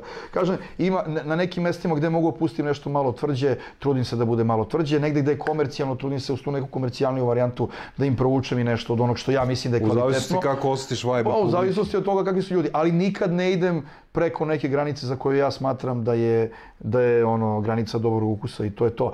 Ovaj, sad sam, prošli vikend u petak sam radio u Austriji u nekom klubu, ali ne, nije srpski klub, nego neki Austrijanci drže, Austrijanci drže klub i, i nije bilo, mislim bar ja koliko znam, nije bilo naših ljudi. I tu recimo, ono, bile, bio je dogovor kao nema ništa od domaćih pesama, puštam ono što su svetski hitovi i čak je bio dogovor da bude malo tvrđe, da bude hip hop, manje R&B-a, više hip hopa i to mi je toliko prijalo da to nije normalno. Onako, stvarno dobro, znaš kao, puštam im neke, recimo puštam neke stvari koje u, Be- u Beogradu možeš da puštaš e, kao neki warm up, tamo slobodno možda ih pustiš u onom, onom udarnom terminu i svi džuskaju. Znaš, kao dok je ovde, ovde valjda to, ono, ponavljam, non stop, ono, jede se e, sarma punjena paprika i pije se rakija, pa muzika mora da krlja, ne, ne možeš ti pustiš nešto. Prijela ti Austrija, prijela ti Kinta. Mislim, Pa i mi je, naravno, da, da. da, da, pa mislim posao, posao je, li tako? Pa to, to tako je kažem. posao, mora da se, mora da bude plaćeno. Možeš uvijek da odeš u Austriju da vidiš lepote Austrije, ali to Da, je ali je bilo, stvar. stvarno je bilo jako, jako dobro, jako dobro. znači sad si počeo se baviš i futbolom. A futbol, to, to, to, to će biti hobi. E da, Ne, to će e, biti haos. Ja ne mogu da verujem da su evo dva sata prošla, čak nas ni Gaga nije ovaj, ovaj, e, ispljuvala za dosadni ste, a to verujem onda da je dobar znak. Ovaj, pošto ja ne mogu na, svoj, na svom mobilnu da vidim kako mene kritikuje ili me hvali, ali e, šta ti kažem, e, kad, e, jel planiraš na duže vreme da ti to bude ono DJing, sve to? ili... Brate, ja već, ja ne znam koliko, jedno deset godina se ozbiljno bavim time. Znaš, pre deset godina sam mogao da sebe da kažem sam puštač muzike, sad već, sad već mogu da kažem da, Da, sam dobar, dobar DJ. profesiju, da, da. Da, jer ne, ne znam, ja, znaš, kao u to sam ušao kao, eto, hobi, malo, znaš, u nekom trenutku se zasitiš cele priče na taj način, ne mogu se zasiti muziki, jer realno muzika je nešto sa čime mi počinje dan, sa čime mi se završava dan, znaš, kao prva stvar koju uradim kad otvorim oči, pusti muziku, razumeš, i stvarno je muzika nešto što volim, Da, brate, nešto što mi prija. I dokaz je I- to da, da i- ne moraš da budeš uh, dobar uh, muzičar da bi bio dobar DJ, obrto nema to baš neke pretpostavke. Može da, bude dobro, ali ne mora da znači. Ne mora da znači, ne mora da znači. Ima nekih stvari, ima nekih stvari koje primećujem kod dobrih DJ-eva, uh, koje primećujem kao sitne mane iz prostog razloga što se nikad nisu bavili muzikom. Znaš, neke, neke stvari koje ja vidim, a verovatno publika koja to sluša verovatno ne vidi. Znaš, možda se ja i tripujem, ali ovaj, u svakom slučaju je bolja varijanta ako si i muzički potkovan, ali, ali nije neophodno. Nije neophodno. Pitanje za mene je da li ima šanse da dovedem nekoga iz Budweisera, koliko ja znam, gotovo niko iz Budweisera više nije u Beogradu. Ja Upravo mislim da Video sam se da. pre nekog vremena sa jednom od glavnih članova, zaborio sam trenutno njegovo ime, divan čovek, baš mislim tad na Dorče placu, ne znam, ovaj, bio slučajno, mislim da živi u Londonu, bio je jedan Krle. član Budweiser, da, bio je jedan, Krle. član, e, bio je jedan, da, i bio je jedan član Budweiser koji je čak imao neki svoj solo projekat e, Next 47 ili Bus 47. Mislim da je to ono, to Krle, smo stavili da, na kompilaciju, ono, Black za 21. vek. Ovaj, ako se oni jave, ako uspem da ih nađem, drage volje, Da, ja sam njega kontaktirao, čini mi se, za to je na prvom albumu pesma On je lud od Budweisera koju sam Da, da. obradio, njega sam kontaktirao da, za dozvolu. da, to je jedna od prve njihovih pesama, ono, u principu. Ono, Pa ja ne znam ko je prva, ali znam to koliko Mislim da klinac u čuješ na srednjoj buku, ali školi. nisam siguran. Da, imali su, ali su bili odlični, odlični. Pa, nije što su prvi, ali su zaista bili među Da, najboljima. da. I imam još par samo pitanja za tebe da ovaj, prekinemo kada je ovaj, najbitnije, da bi mogao da dođeš i neki drugi put, naravno. E, tvoj, e, šta se desilo, si možda se vidio sa ovaj, e, ko čemu baba u štipcima ili kako to već ide, ovaj, si se vidio sa tim devojkama iz tog čuvenog spota i tih tvojih spotova koji su bili omiljeni iz više razloga, oni su sada sve mame, je li tako? Možda i Uglavnom, babe, da, ko da, zna. neke, neke sam vidio, neke ne, nemam pojma. Ovaj, Cindy sam video sad relativno skoro. S vremena na vreme je sretnem tu i tamo. Videli smo se sad skoro, mislim, skoro. Radio sam remake pesme iz spota, bit ću tu. Aha. Pa se pojavila opet u spotu i meni ona sad bolje izgleda nego 96. kad Da, smo da, snimali da, prvu da. verziju. Iskreno, ona, ona danas izgleda bolje nego tad. Ovaj, Pa to je zato što si oženjen. a misliš da je to? Ne, ne, ozbiljno, devojka, devojka sjajna, ali, ali, ovaj, ne, mislio sam da, da, a vjerojatno su te, ova ovde, ova onde po svetu i to. Pa jesu, neke su se dobro udale, si već da, da, pomenuo. da, da, da, pa dobro. Ovaj, Mislim, ali... ipak je ljubav na, pod Na prvom mestu. naravno, mislim. Ipak je ljubav pobedila. Da ne, da, da, ne, ne misli neko da, da, da mislimo bilo šta loše o to. Reci mi, a, pet, a, po pet sve nek bude, u stvari, pred, predposlednje pitanje, a, pet domaćih pesama ili albuma ili kako god hoćeš, kako bi poređao, ili i pes, pesam, pesma, album i e, MC. Po. O, brate. Domaćih. pet? Ne, možda tri, ajde, nema veze. Šta se ljutiš odmah, Ne, I po tri će da mi bude mnogo, i po tri će da mi bude mnogo. Izvinjavam se što se prodrao. Ovaj... Pa ne znam, aj pesme, ali ne, ne mogu da ih rangiram sad prva, druga, treća, peta. Ne, ne, ne, nisam mislio rang, nego... Evo, pomenuo sam Karantin od Vudu Popaja, pomenuo sam uh, Who is the best, Tvori nebo za mene. Uh, pa ne znam, otkud znam. Ne znam, teško mi je da, da, da, znaš, kao sad još jednu, a ima ih milion. Šta? Znam ja hip-hop. Ko je? EKV. EKV, da, dobro. Do, mislim, jel, Ti si samo moj bol. Čekaj, hoćemo da se ono, orijentišemo samo na hip-hop ili Ajde, sve? ako ti je lakše, piči dalje. Pa, ajde, kad je Šta hip-hop, od eto, pomenuo sam... Šta je od EKV? Brate, šta god.